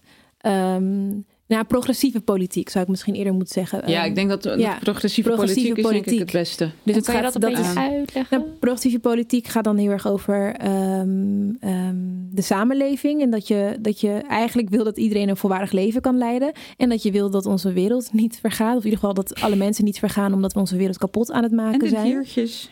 Ja. En de dieren, alle organismen niet vergaan. Ehm, dus heel erg ja, progressieve politiek. Wat je, ik denk dat eh, wat je nu bijvoorbeeld ziet ehm, in, in de Verenigde Staten eh, ehm, met AOC en Ilhan Omar, dat het heel erg gaat over opkomen voor mensen die aan de onderkant van de samenleving leven. Dat, dat heel erg. En dat, dat, dat proberen wij ook te doen vanuit dat perspectief in ieder geval. eh, Verslag te doen. Ehm, Ja, en we gaan in ieder geval ehm, om een van jouw werkgevers te quoten voorbij de waan van de dag. Ja, er zijn wel eens-. Ja. Jij Er werkt er ook, maar goed. er zijn wel eens van die momenten dat ik ehm, meteen in de pen wil klimmen omdat ik de krant ochtends gelezen heb. En dan schrijf ik een heel groot stuk en dan zegt Clarice, maar waarom zouden we dit publiceren? Ja. En dan denk ik, omdat ik het geschreven heb. maar dat is niet, dat is niet voldoende. Het, het gaat inderdaad om, die grotere, om de grotere ehm, structuren laten zien. Dus Mhm. dat we ehm, een echt een, een, een reëel andere samenleving voor ogen hebben. Dus het gaat niet meer om alleen de hashtag ophef. Ja. Ehm, en soms mis ik, moet ik heel eerlijk zeggen, wel de hashtag opheffen, omdat ik weet dat dat ook weer iets in gang kan zetten. Hm. Alleen, het gaat niet leiden tot die veranderingen die we, die we eigenlijk allebei voor ogen Ja, hebben. en ik, ik denk dat je wel de ophef kunt nemen en daar dan een veel diepere analyse van kunt geven. Dus dat, dat willen we willen meer de diepte in en meer de Mhm. achtergrond. En weet je, dit, dit is waarom dit belangrijk is. Een ander voorbeeld is uh, Autumn Peltier. Dat is een Ja. 15-jarige klimaatwateractivist, Mhm. eh, Native, American, Native eh, Canadian. En, ehm, en het ging een paar weken geleden heel erg over Greta Thunberg en haar speech en zo. En wij dachten, nou, er zijn meer klimaatactivisten. Jonge Wereldwijd. klimaatactivisten wereldwijd. En toen hadden we een berichtje gemaakt van, eh, over Alton Peltier. Maar niet alleen maar over, nou, dit is Alton Peltier, dit doet ze. Maar ehm, oké, ze strijdt voor water. Maar waarom strijdt ze voor water? En waarom is dat belangrijk? En, ehm, en, en, en ehm, En ook heel erg duidelijk maken dat klimaatverandering verder gaat dan alleen maar eh, de stikstof hier in Nederland. Maar Ja. dat, het, dat de eerste mensen die getroffen worden door klimaatverandering eh, mensen zijn zoals Alton Petje en haar eh, familie. En, ja, en haar leefomgeving. en haar gemeenschap. Haar gemeenschap, En- ja. Ehm, En, En- vrouwen ook veelal. En ook in Nederland. En hoe zit het dan in Nederland met water? Dus als we echt soort van de vragen stellen en proberen ook antwoorden te geven die verder gaan dan alleen, oh, dit is gebeurd en Mhm. dit is erg of dit moeten we Mhm. er. Ja. Nou had je net al even over Ilhan Omar en eh AOC. Eh, heb je meer namen waarvan je denkt... Congresvrouwen in, eh, vrouwen Ja, die in het Alexandria Amerikaans congres zitten. Ocasio-Cortez. Eh, zijn er meer namen waarvan je denkt, eh, of Adam Peltier is er ook eh, een voorbeeld van. Zijn er meer namen waarvan jullie denken van, nou, dat zijn mensen die je moet volgen of die je eigenlijk nu zou moeten, nou niet moeten kennen, maar die goed zouden zijn om te kennen? ja, ik ben In- dus nooit zo van de Nou, maakt niet uit. Mensen die jullie inspireren misschien. Clarice Karkar. nee, ik ben, ik ben er altijd heel erg, heel erg moeilijk in, want het, is... Nee, ik Er zijn weet- zo, ja, er zijn, er zo zijn er mensen. zo ontzettend veel. Maar bedoel je bekende mensen? Of, ik denk eigenlijk dat we juist minder bekende mensen moeten volgen. Mensen die zeg maar gewoon dagelijkse, weet je, eh, aan dagelijks activisme doen. Mhm. Dagelijks soort van verzet. Omdat dat, dat zijn de mensen die vaak ook dingen veranderen. Omdat Ja. ze tegen, tegen, ja, tegen shit aanschoppen. En ehm, ja, dat zijn zoveel mensen. Eh Olave vind ik, eh, Ja. Olave Olave Bassaboze. Talks Ja. Lava Talks, eh, Mariam van de Kick Out Zwarte Piet, eh, Naomi Pieter, Simone Zeefuik. eh, nou, heel veel van dat soort mensen die gewoon bij bepaalde bedrijven, organi- organisaties werken of activist zijn en are pushing the needle. Ehm, Jerry natuurlijk, Avria van Kick Out Zwarte Piet, Mitch Isaias, Jessie. Nou, ja, ik heb heel veel... Je gooit er Gewoon, gooi echt een... Ja. Ik voel me nou echt heel erg dat ik dacht, ja, nee, ik kan niemand Nou, niemand, ik Ja. weet het niet. Nee, maar jij dacht dan- niet... Ja, je hebt ook wel mensen, zeg maar, Ja, die, natuurlijk, maar eh, ik denk dan vooral, check gewoon lilithmac.nl. Ja, ik zat er ook net te denken. Ja. Oh, dat heb je heel goed gedaan. Dat is Ja. Heel, ja. Ja. nou, dat. En in jullie dagelijks leven, als je jezelf eenmaal gaat uitspreken als feminist, dus je zegt echt, hallo, ik ben een feminist, uh, lopen jullie dan tegen bepaalde dingen aan? Bijvoorbeeld, uh, eigen voorbeeld op een feestje of zo, en je zegt van, ja, nou, een feminist platform, demo niet. Dat je dan gelijk je drie mannen van, zo... Pam. Ja. Feminisme? Wat? En dan zo, it's on. Een discussie. Ja, dat, ja. En een aantal jaar geleden had ik dat je wel. pakken. Ja. En een aantal jaar geleden had ik dat heel erg. Ook als er vrienden over de vloer waren die kwamen eten. En dan ergens in de loop van de avond komt het gesprek op iets wat misschien een beetje schuurt Ja. aan het feminisme. Dan zag ik altijd al de blikken zo naar mij gaan van, oh, komt ze? Gaat ze erin? Ehm, ja, en meester Jan dus nog steeds. En meester Jan. Ja. Oh, sorry, meester Jan, ik vind u echt heel aardig. Oh. Maar ehm, nee, ook op feestjes. Er zijn altijd mensen die dan vragen willen stellen. Soms rol ik met mijn ogen en dan denk ik, ja, eh, niet vandaag. Ik ben vrij, laat me met rust. Maar er zijn ook dagen dat ik er vol in ga. Mhm. Ehm, misschien krijg ik een beetje crazy eyes of zo als ik dat doe. Want mensen stoppen al best wel snel met een soort discussie. Dit, maar Maar ik denk ook omdat je het zat bent, dat het zeg maar ook is dat. eh, ja, ik, heb, ik, ik, ik wil niet meer in discussie. Ik ga sowieso niet meer in discussie. Hmm. Want dat heeft geen zin vaak. nee, maar soms zijn er Maar ook mensen die gewoon een vraag stellen. Ja, precies. Dat, dat doe ik wel. Gewoon wel mensen die op een op respect... een manier dat je denkt, oh, je staat eigenlijk aan de andere kant van het spectrum, maar je stelt me nu een vraag op een bepaalde manier dat ik er eigenlijk wel antwoord op moet geven en dat we dan gaan clashen. Ja, oké. Ja, ik weet. Nou, ik, heb jij dat veel? Ik heb dat. Yep. Nou, jawel. Je wacht. Ja, mensen willen al, wel altijd in discussie met mij sowieso. Omdat ze dan... Omdat ik dan iets heb geschreven, dan vinden ze van... Daar wil ik over praten. Dan denk ik, "Hmm, ik heb het geschreven, lees het gewoon. Als er iets van vindt, is prima. Maar I don't care. Maar Schrijf maar een stukje naar de krant. ja, weet je dat het niet mijn... Ik, ik denk dat op een gegeven moment als je ook een publiek persoon bent... dat mensen het soort van, je soort van publiek eigendom zien. En denk Ja. ook dat het, dat het je, je taak is om met hen te Mhm. praten. Ja. En, en dat, daar ben ik dan wel een soort van voorzichtig mee. Maar ik vind het wel ook wel weer ehm, leuk om te horen hoe andere mensen denken. En om daarover in gesprek te gaan en ook toelichting te geven. Want ik merk dat het vaak ook helpt als je toelichting geeft op wat je, wat je zegt of wat je denkt en vindt. Omdat dat anders. Ja. Ja, Ik heb Maar- er echt veel te weinig geduld voor. ja nee, ik doe dat, ik doe dat wel misschien ook Ja, iets nee, te dat veel. weet ik. Ik ben er wel eens bij geweest Ja. wanneer jij dat dan doet. En dan denk ik, ja, laten nou. jullie seksistische shit, racistische shit, validist, laat je dat schieten? Of ga je altijd... Ja. Nou, Ja. niet, niet altijd. Ik, ehm, nee. En ik, ehm, eh, omdat ik soms ook gewoon wil chillen. Ik bedoel, het is, kijk, als je, als je zo in je werk al zoveel strijd en zoveel bezig bent en ook zoveel shit over je heen krijgt, wil je niet in je privéleven dat ook de hele tijd moeten doen. Dus ik moet voor mezelf wel grenzen stellen, zeg maar. Ik vind dat dan toch ergens opvallend, want ik heb dat dus helemaal niet. Als iemand iets racistisch zegt of iets seksistisch zegt, dan zal ik daar altijd wat van zeggen. Gewoon oh, ik zeg het wel hoor. Dan- maar niet, maar niet Ik, ik, ik ga het niet altijd uitleggen. Soms zeg ik ook gewoon, dat is Dat is- seksistisch. ja, precies. Ja, Of ja, dat is racistisch. En als ze dan zeggen, oh, waarom vind je dat dan? Dan zeg ik, google it. Ja, dat- Dit is wel ook wel weer een goede tip. Want ik kan me soms helemaal zo opwinden. En dan. Jullie zijn dan heel eloquent en kunnen alles best wel heel goed verwoorden. valt wel mee hoor. Soms struikel ik ook over mijn woorden. En Ja, dan heb ik te veel speeksel in mijn mond, omdat Soms ik dan heel boos word. Masna in plaats van Hasna. Of Hasna, wat was het? Hasma. Hasma. Dat gebeurt gewoon. Maar ergens heb ik heel vaak nog, ste- eh, ook al hebben we er net een heel boek over geschreven, hoe je dan kan reageren op dit soort dingen. En nog steeds kan ik heel erg soort van het gevoel hebben dat ik heel veel kennis mis. Ja. En dat ik dan denk, Je hebt sowieso meer kennis dan degene die het zegt vaak. Dus weet je, dat heb je al. Ja. En ik denk, en plus je hoeft echt niet alles zeg uit maar, te leggen. heel het internet in je hoofd te hebben om eh, iets te kunnen uitleggen. Je kunt Ja. gewoon zeggen waarom je iets, iets van iets vindt. Ja. Ja, ik, ik, nou, en ik, moet- ik moet zeggen, als iets echt heel erg seksistisch of racistisch, dat ik er dan wel altijd iets van zeg. Maar ehm, als het soort van net is, dat ik denk, huh, dan loop ik gewoon weg of zo. Ja, Want ik zijn denk, soms van die hele soms van die kleine dingen. ja. En, en, want kijk, de grote dingen natuurlijk. Als je echt iets zegt dat racistisch is of... ehm, Maar wat, is, of wat voor kleins zou je dan Iets gewoon kleins bij weglopen? dat iemand zegt zo- van... ehm, vandaag, vandaag zei iemand, we, gingen, we hadden een afspraak ergens. Mhm. En ehm, de receptionist was een man. En hij zei...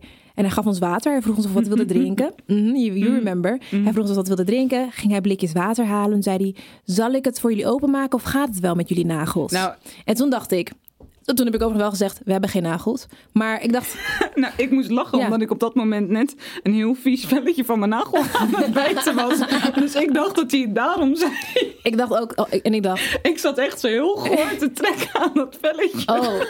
Eeuw, Hasna. Dus dat was het misschien gewoon. Misschien bedoelde hij het niet eens seksistisch. Jawel, hij bedoelde het wel seksistisch. Want hij zei het zo van alsof we lange nagels hadden. Ja. En ik dacht ook nog, dude, ik ben queer. Ik weet niet voor jou, maar ik heb geen nagels.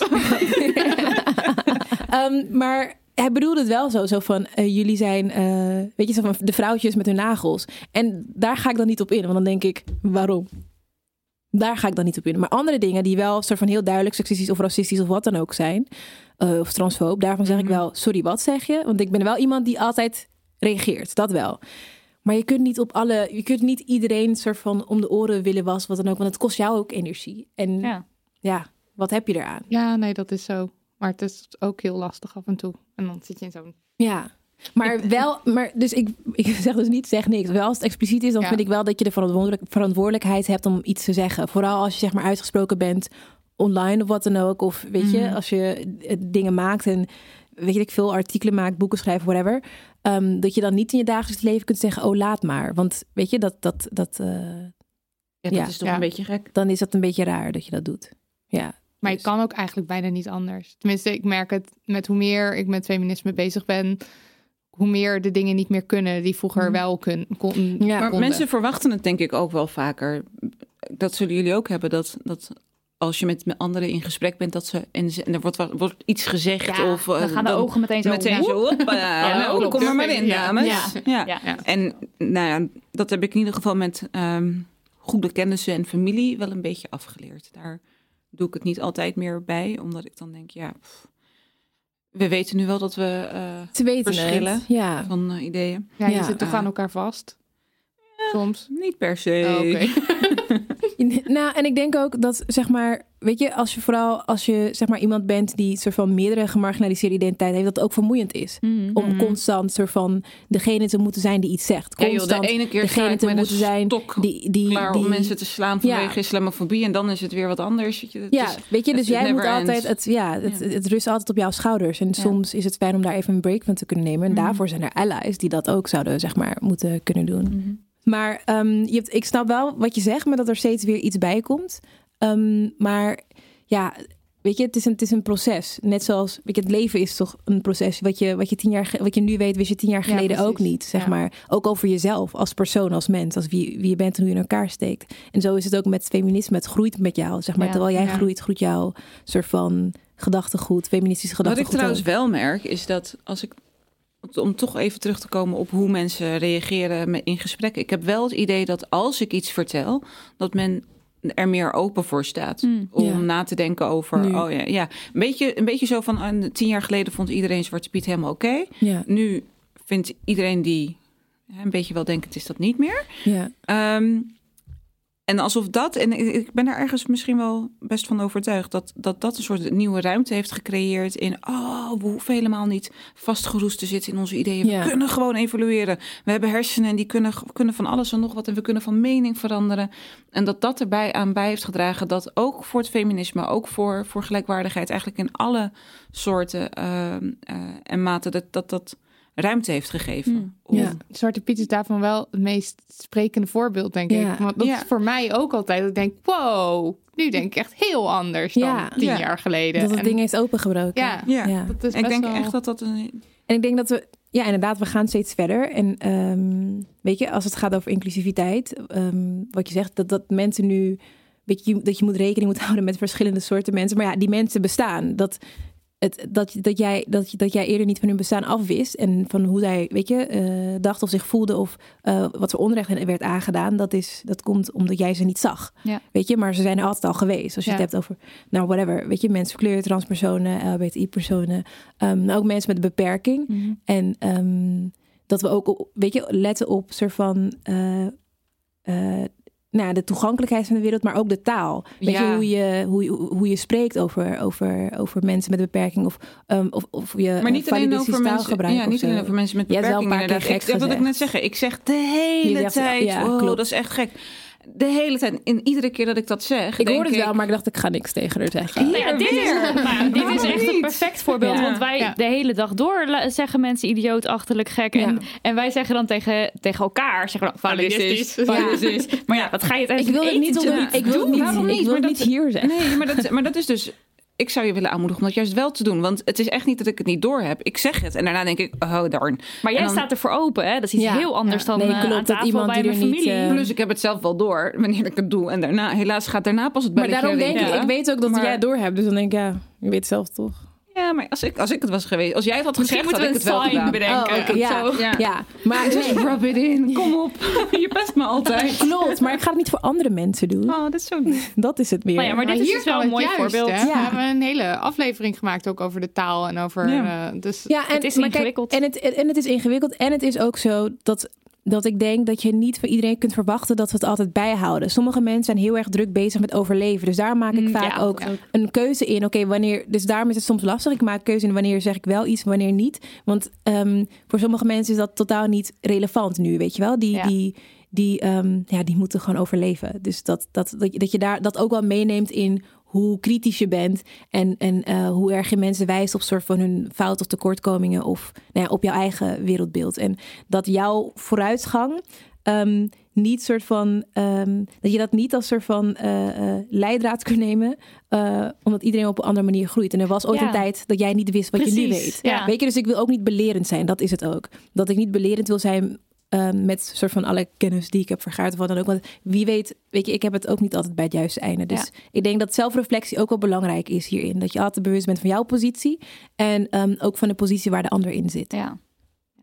Hoe zien jullie de toekomst voor je? Mm. We hebben eh, ja, een hele diepe zucht, omdat we heel druk bezig zijn met het voorbereiden van een eh, symposium in eh, Rotterdam. Dus.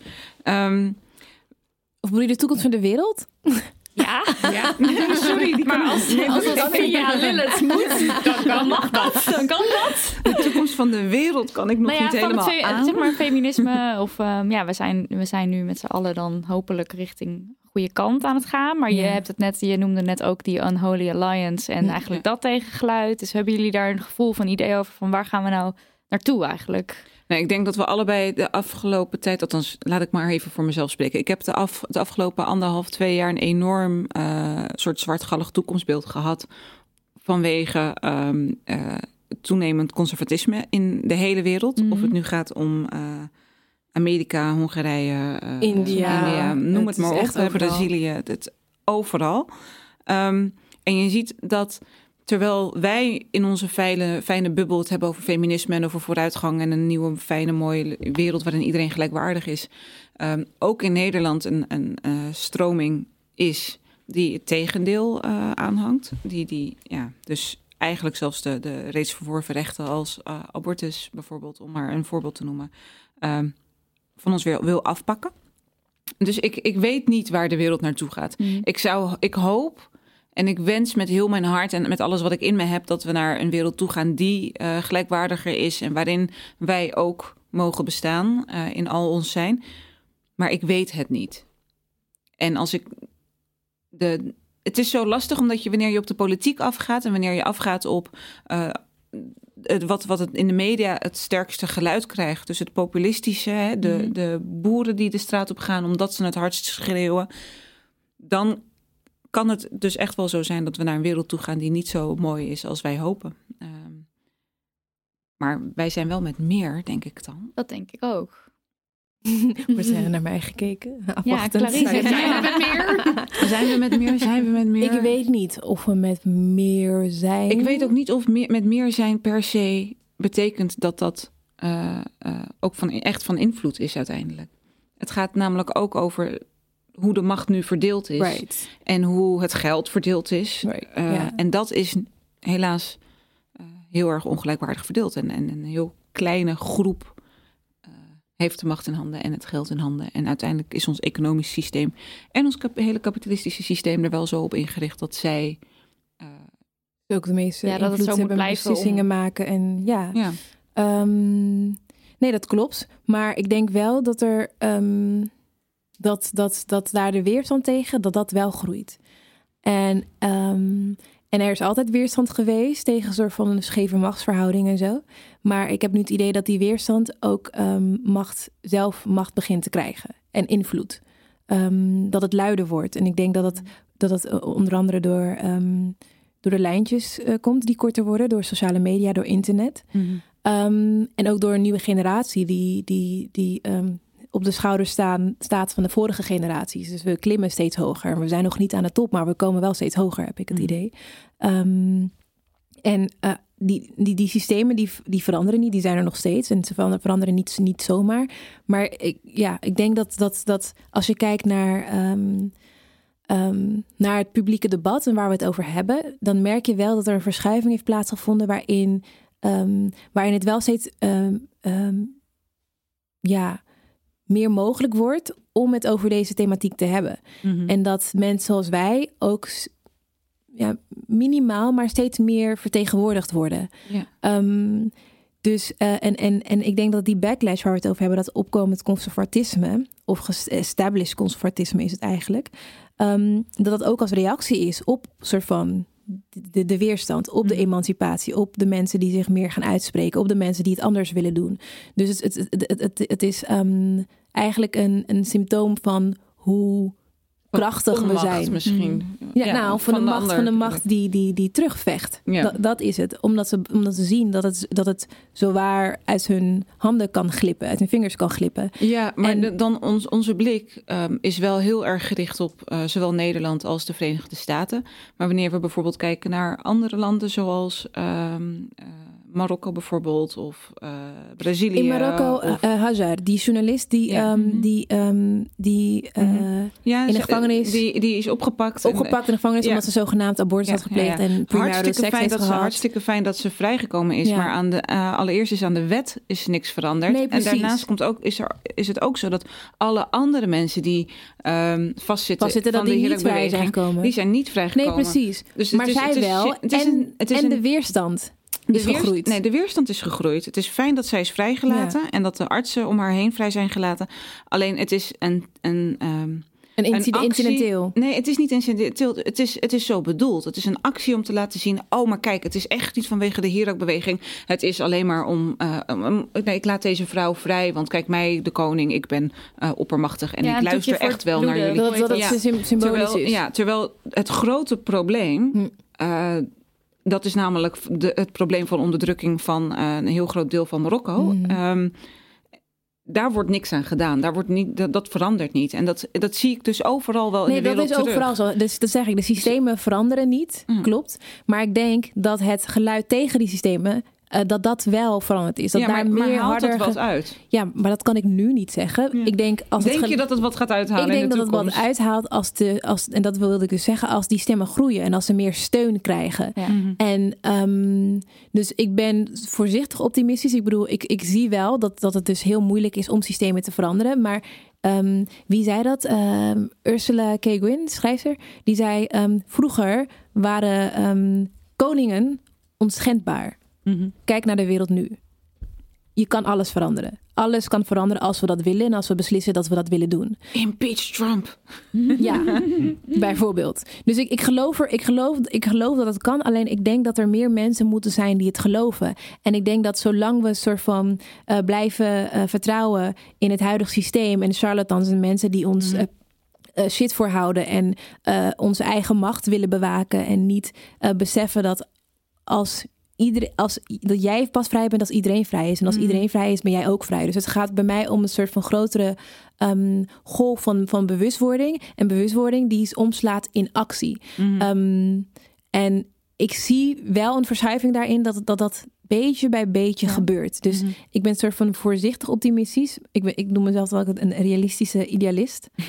Ja, ik geloof dat het kan, maar dan moeten we echt heel veel ervoor doen. En dat moeten gewoon meer mensen doen. Je Ja. kunt niet meer alleen maar naar podcasts luisteren.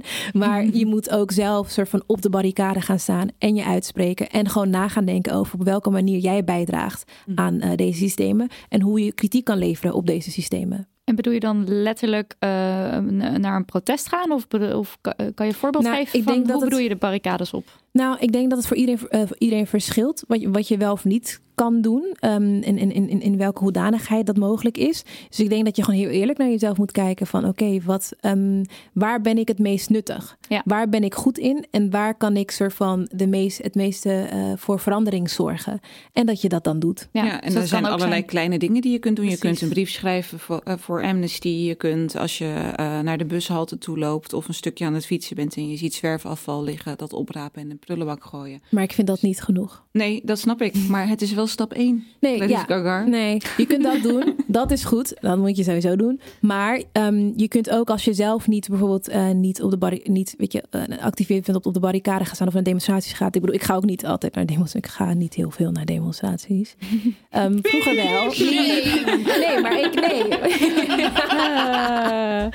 Maar ik doe het op een andere manier. Um, en uh, weet je, meer op een metaniveau. En ik denk dat, dat jij moet vinden wat jouw kracht is. En dat, en dat je soms ook, soms jouw kracht misschien wel zit in het ondersteunen van de mensen met die kracht om wel op de barricade te staan, weet ja, je wel. Maar waarom zou dan, waarom zou straatafval opruimen niet genoeg zijn? Omdat je daarmee het systeem niet verandert, alleen je buurt. Nee, als iedereen dat zou doen, weet je Ja, maar iedereen zou... wil dat niet. Nee, precies. That's why I'm telling Ja, maar iedereen gaat dat niet doen. Dus je moet het systeem veranderen, zodat ik, ik, ben ik denk wel dat we onze luisteraars is. kunnen oproepen om morgen allemaal een stuk zwerfafval op te Ja. rapen. Dat zijn Ja. dan toch best wel weer veel stukken En dan ook zwerfafval. leuk als er dan... Maar ik snap wat je bedoelt natuurlijk. Dat Er dat verandert niet, als is niet iets... Nee. nee, maar Als ehm, alleen je omgeving verandert, verandert het, het systeem niet. Dus eh, Ja. ja. je uitspreken, lieve luisteraars, doe iets. Yes. Go.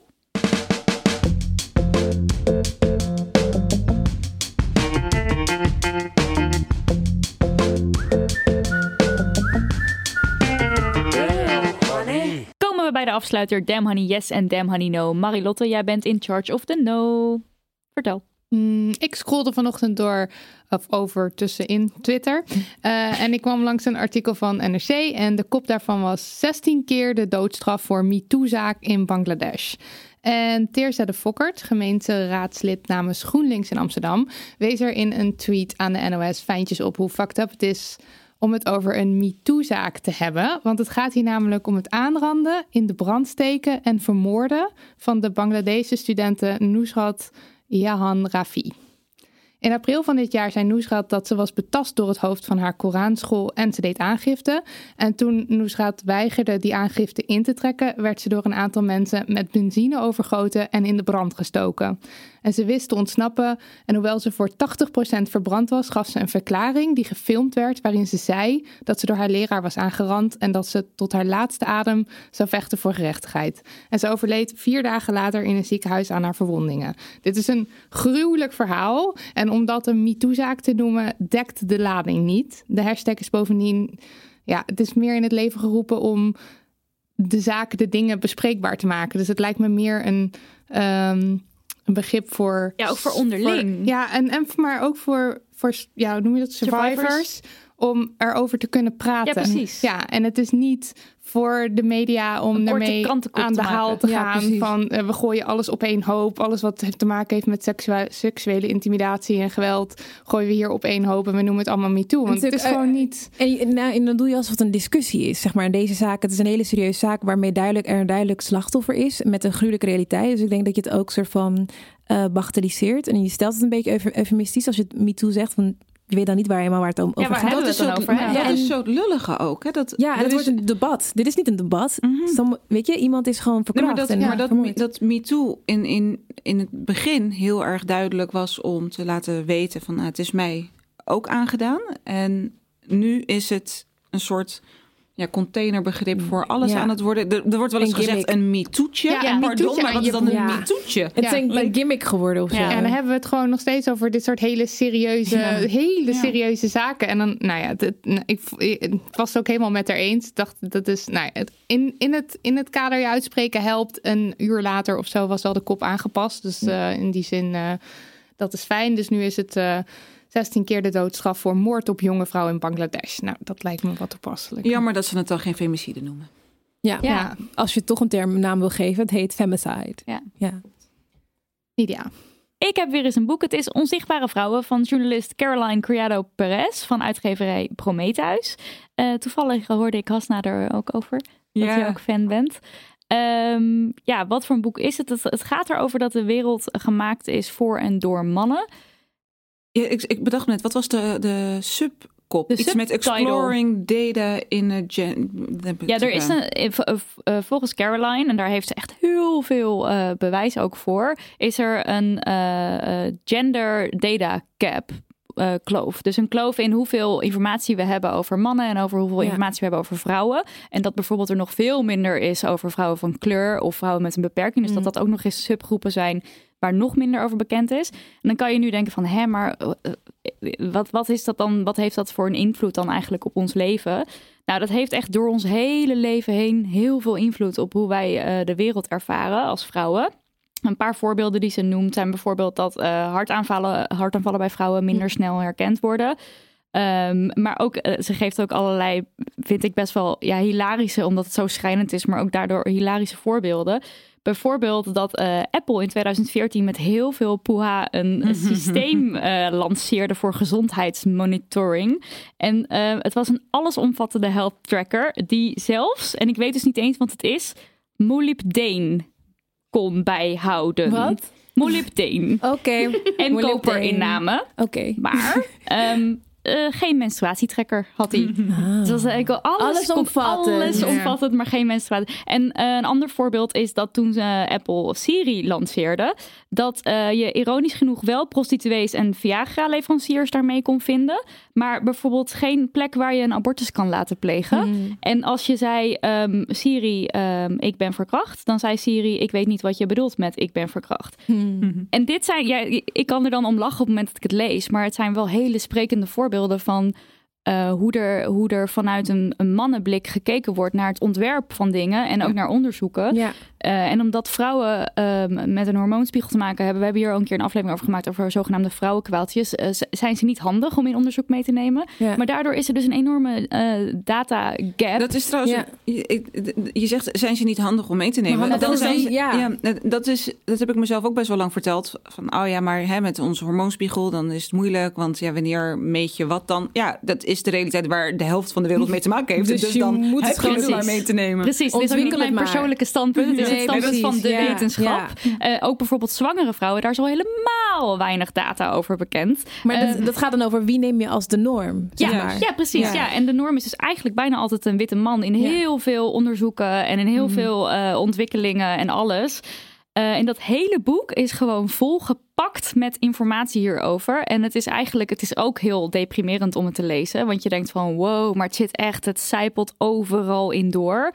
Nog, sorry, ik ga nog een leuk voorbeeld geven. Dat zijn wc's. Je hebt eigenlijk Ja. altijd evenveel mannen en vrouwen wc's ehm, in scholen, universiteiten, wat heb je dan, bioscopen. En dan is het je vast wel eens opgevallen dat de rij bij de vrouwen vaak heel lang is. Bijvoorbeeld als je bij de bioscoop in de pauze hebben mensen Klopt. ooit nog... Ja. nou, zij zegt dan van ja, vrouwen doen ongeveer twee keer 2,3 langer de tijd erover om, ja. om naar de wc te gaan. En dat heeft te maken met heel veel dingen. Dus vrouwen hebben vaker kinderen bij zich. Vrouwen eh, worden ouder. Dus daarmee komen ook soms eh, bepaalde eh, hulpbehoevendheid Hm. kijken. Als ze menstrueren hebben ze natuurlijk allerlei producten die ze nodig hebben. en Waar ook weer tijd aan besteed moet worden. Ze kunnen niet gewoon een piemel eruit halen en naar een urinoir gaan. Dus er zijn heel veel redenen waarom dat langer duurt. En toch zie je overal dat er evenveel mannen als vrouwen toiletten zijn. Los van dat er gewoon genderneutrale toiletten zouden moeten zijn, is dit natuurlijk een heel raar iets. Dat er niet soort van op maat is of specifiek rekening Ja. wordt gehouden met. Ja, Ja. precies. Ja. Nou ja, en het, dat En hele zo, boek. het, het is te het is ja te zei gaaf. het bijna. om al die voorbeelden te, te, Ja. eh, te hebben. Omdat Ja. het, ehm, dat is, het, dat is ook, ook het leuke en het goede aan het boek. Het maakt zo inzichtelijk hoe bizar het eigenlijk is dat al die verschillen er Ja. zijn. De auto's, dat, dat, Ja. een, dat een auto eh, Oh gemaakt ja, en met is op het zwangere lichaam. vrouwen. Nou, ja, de, dat. de riem kan niet om de zwangere vrouw, zwangere- maar dat de dummies eigenlijk altijd mannenpoppen zijn. Ja, dus helemaal dus- op de spierwevels en botbouw en alles van. En Ja, daardoor. Dus de kans dat een vrouw overlijdt in een eh, auto-ongeluk is, Is vele malen groter. Ja. ook wanneer ze achter het stuur zwangere zit. Of, en dan zwangere helemaal. vrouwen helemaal. Kamertemperaturen op eh, Ja. kantoren die vijf graden te koud zijn voor vrouwen. Stofwisseling van vrouwen. Ja, Ja. Omdat daar geen rekening ik, mee wordt ik vind gehouden. vaak met dit soort dingen, ik denk, eh, het is zo frustrerend, we weten dit Ja. en zo. Maar en dan, weet je? Zeg Nou, zij roept op dus om heel veel data te gaan verzamelen van Ja. vrouwen. En een leuk voorbeeld daarvan is bijvoorbeeld Clue, de menstruatie Ja, eh, tracker. bij, ja. Eh, zij, zij verkopen hun informatie dus niet door, maar ze geven het aan universiteiten, waardoor er gewoon eindelijk eens informatie komt die ze Ja. gewoon niet hebben. Dus dat is heel belangrijk. En, van, van, en, en dan ook breder van mensen die menstrueren gewoon. ja, weet je? ja, Dus sorry. ja, dat, is echt een super goed dat je dat zegt. Want daar, ik ben, dat is iets waar ik heel erg nog op gecorrigeerd moet worden. Inderdaad, dus menstruatie staat los van vrouw of man zijn. Excuus daarvoor. Eh, en wat ik verder eh, tof aan het boek vind, is dat ze zegt van... ik wil niet, ik wil niet laten zien dat, de, dat, dat iemand de boeman is. Maar dit is gewoon wat er gaande is. En het Ja, is niet omdat iemand ja. bepaalt van... we gaan de vrouwen achterstellen of... huh, maar dit is hoe het is en we moeten er wat aan doen. Ja. En dat vind Mhm. ik ook een eh, ja, soort neutrale bak aan fe- data. Ja, gewoon feitelijke, maar dat, gebeurt ja. ook steeds meer. Ik heb het idee dat vrouwen ook steeds meer dat soort boeken schrijven. Angela Ja. Zaini bijvoorbeeld over de wetenschap. Ehm, en Angela Maas, die volgend jaar vrouwenvertegenwoordiger is, die Oh, met dat vrouwelijk hart. Ja, cool. Ehm ja, Angelina En Zaini over wetenschap. Shamali over woede. En dan neemt ze ook dus mee als je trans bent of weet je, van Mhm. kleur, non-binair. Ehm um, um, Rennie Edolage, die eh, waarom ik niet meer... Waarom ik niet met langer met mensen. dat. Waarom ik niet langer. Why I Why no longer talk- about race with, white people. Ja, doe het maar in het Engels. Ehm, en daarin neemt ze ook heel veel data mee. Dus Ja. eigenlijk zie je dat, weet je, dat het een soort van, oké, we gaan, oké, jullie zeggen het is niet zo, we gaan jullie Nu gewoon. komen we ook. Oké, Maar goed, ja. dat zijn, dat zijn de, de eh, nou ja, je zou kunnen zeggen de offline dingen waar ook wel online heel veel aandacht voor is. Maar als je kijkt naar de grotere bedrijven zoals een Google bijvoorbeeld, eh, zij hebben inmiddels dat algoritme al wat meer aangepast. Maar het is best wel lang zo geweest dat op het moment dat je iets googelde over, eh, wat was het wat ik toen ging googelen? Oh ja, Feminist Feminist. Must Read. I will never, ik zal dat nooit meer vergeten. Ik was gewoon op zoek naar een, een tof boek van een zwarte feminist. Zo, dus ik googelde Black Feminist Must en toen kreeg ik Die Die. Oh, Ja. als Yep. auto-aanvulling. ja. Dus al dat soort dingetjes, daar, daar zit van alles en nog wat in. En, en Go- Google heeft dat inmiddels een beetje aangepast. Dus deze is in ieder geval verdwenen. Want je kunt dan zelf ook aan, aanklikken dat Niet dat niet helemaal oké is. Ja. Ehm, maar ik denk dat, ja, dat we misschien nog veel meer online met elkaar ook ons kunnen mobiliseren. Zoals die, die wikithons die Atria ja. wel eens organiseert. Ja, en dat je dan echt de data verandert. En wie Ja. interessant is om eh, te volgen daarover is Senai eh, Gabriel. Die, die is eh um, um, neurowetenschapper. Wetenschapper. Dankjewel. Ik kan zien dat we getrouwd zijn. Ehm, en eh, die, die, die spreekt ook over dit soort dingen. Ik heb Ja. hem ook wel eens genoemd in mijn column. Volgens mij had hij laatst een interview eh, bij One World. En die is heel erg bezig met data en, en, en, en de psychologie van data. En eh, ook de biases en, en, en algoritmes. Ja, En- want dat, is, dat ja. heb ik nu niet eens genoemd. Maar die algoritmes, die zijn natuurlijk, dat is heel eng. Want je zou kunnen denken van, oh, maar we gaan een betere kant op. Ja, of niet, we hebben het net daar ook lang over gehad. Maar op het moment dat we dus algoritmes baseren op een super eh, seksistisch systeem... ja, dan gaat dat dus alleen nog maar verder zo zijn. ja. Dus een voorbeeld daarvan is dat als je een cv zoekt, laat zoeken door een eh, computer voor een eh, topfunctie, dat je dan dus allemaal witte mannen krijgt. Precies. Dat Dus is het ritme- gevaarlijk. Nee, ja. dat, dat bedoel ik met dat wij wel kunnen veranderen. Maar als alles om ons heen niet verandert, dan Ja. heeft het geen zin. Dan loop je altijd wel tegen een muur aan. En ook denken wij dan dat het onze privé verantwoordelijkheid is. Wel nee, het is de wereld en hoe die gemaakt is. En Ja. overheden, die moeten dat ook eh, gaan veranderen. Ja. En wij, wij zelf ook hoor. Niet dat je gewoon... You're not off the hook. En je hoeft You're niet not off alleen the hook. afval te ruimen. Hallo.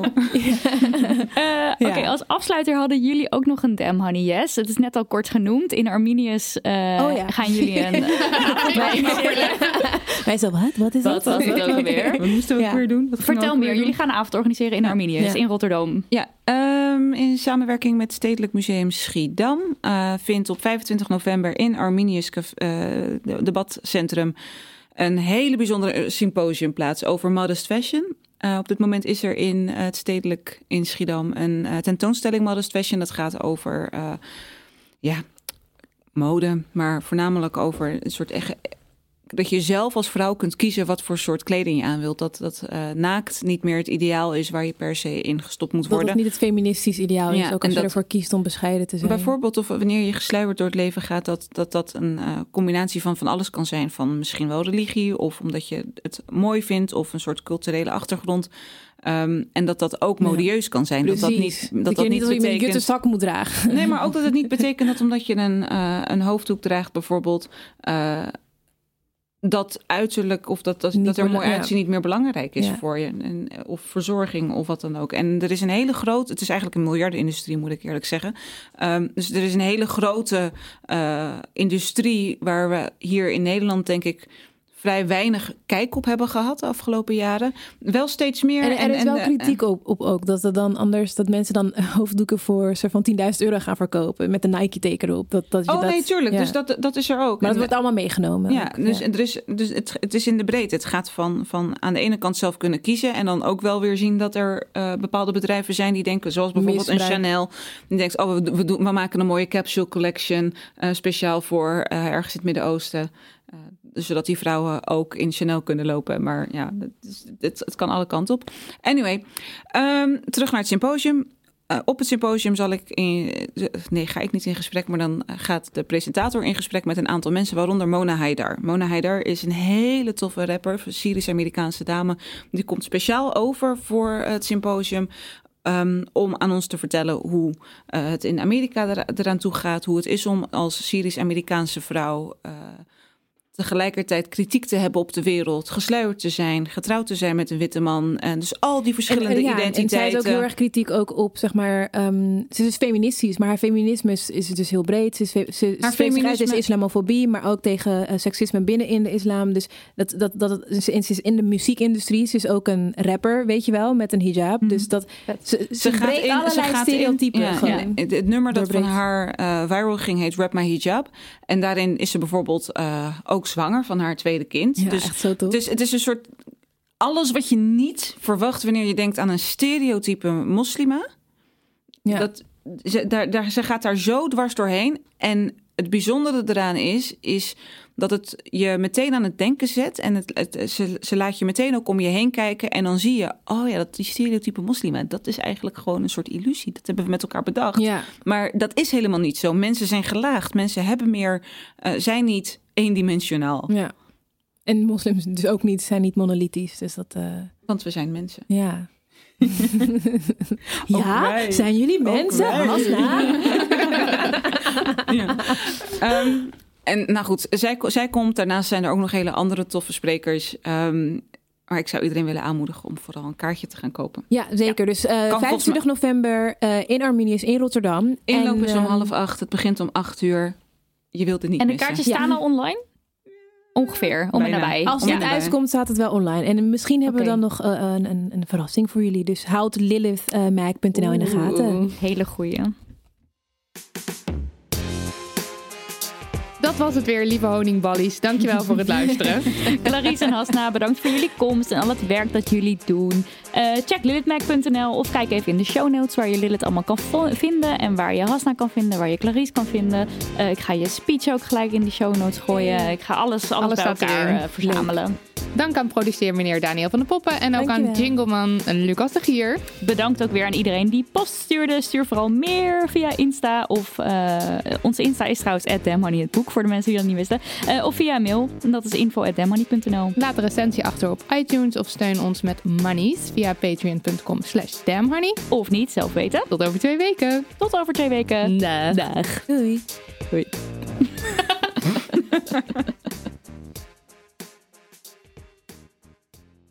Nog even over die grootse en epische muziektheatervoorstelling. Het achtste leven voor Brilka is een marathonvoorstelling van 5 uur. Koop je tickets voor deze bijzondere theateravond via oostpol.nl.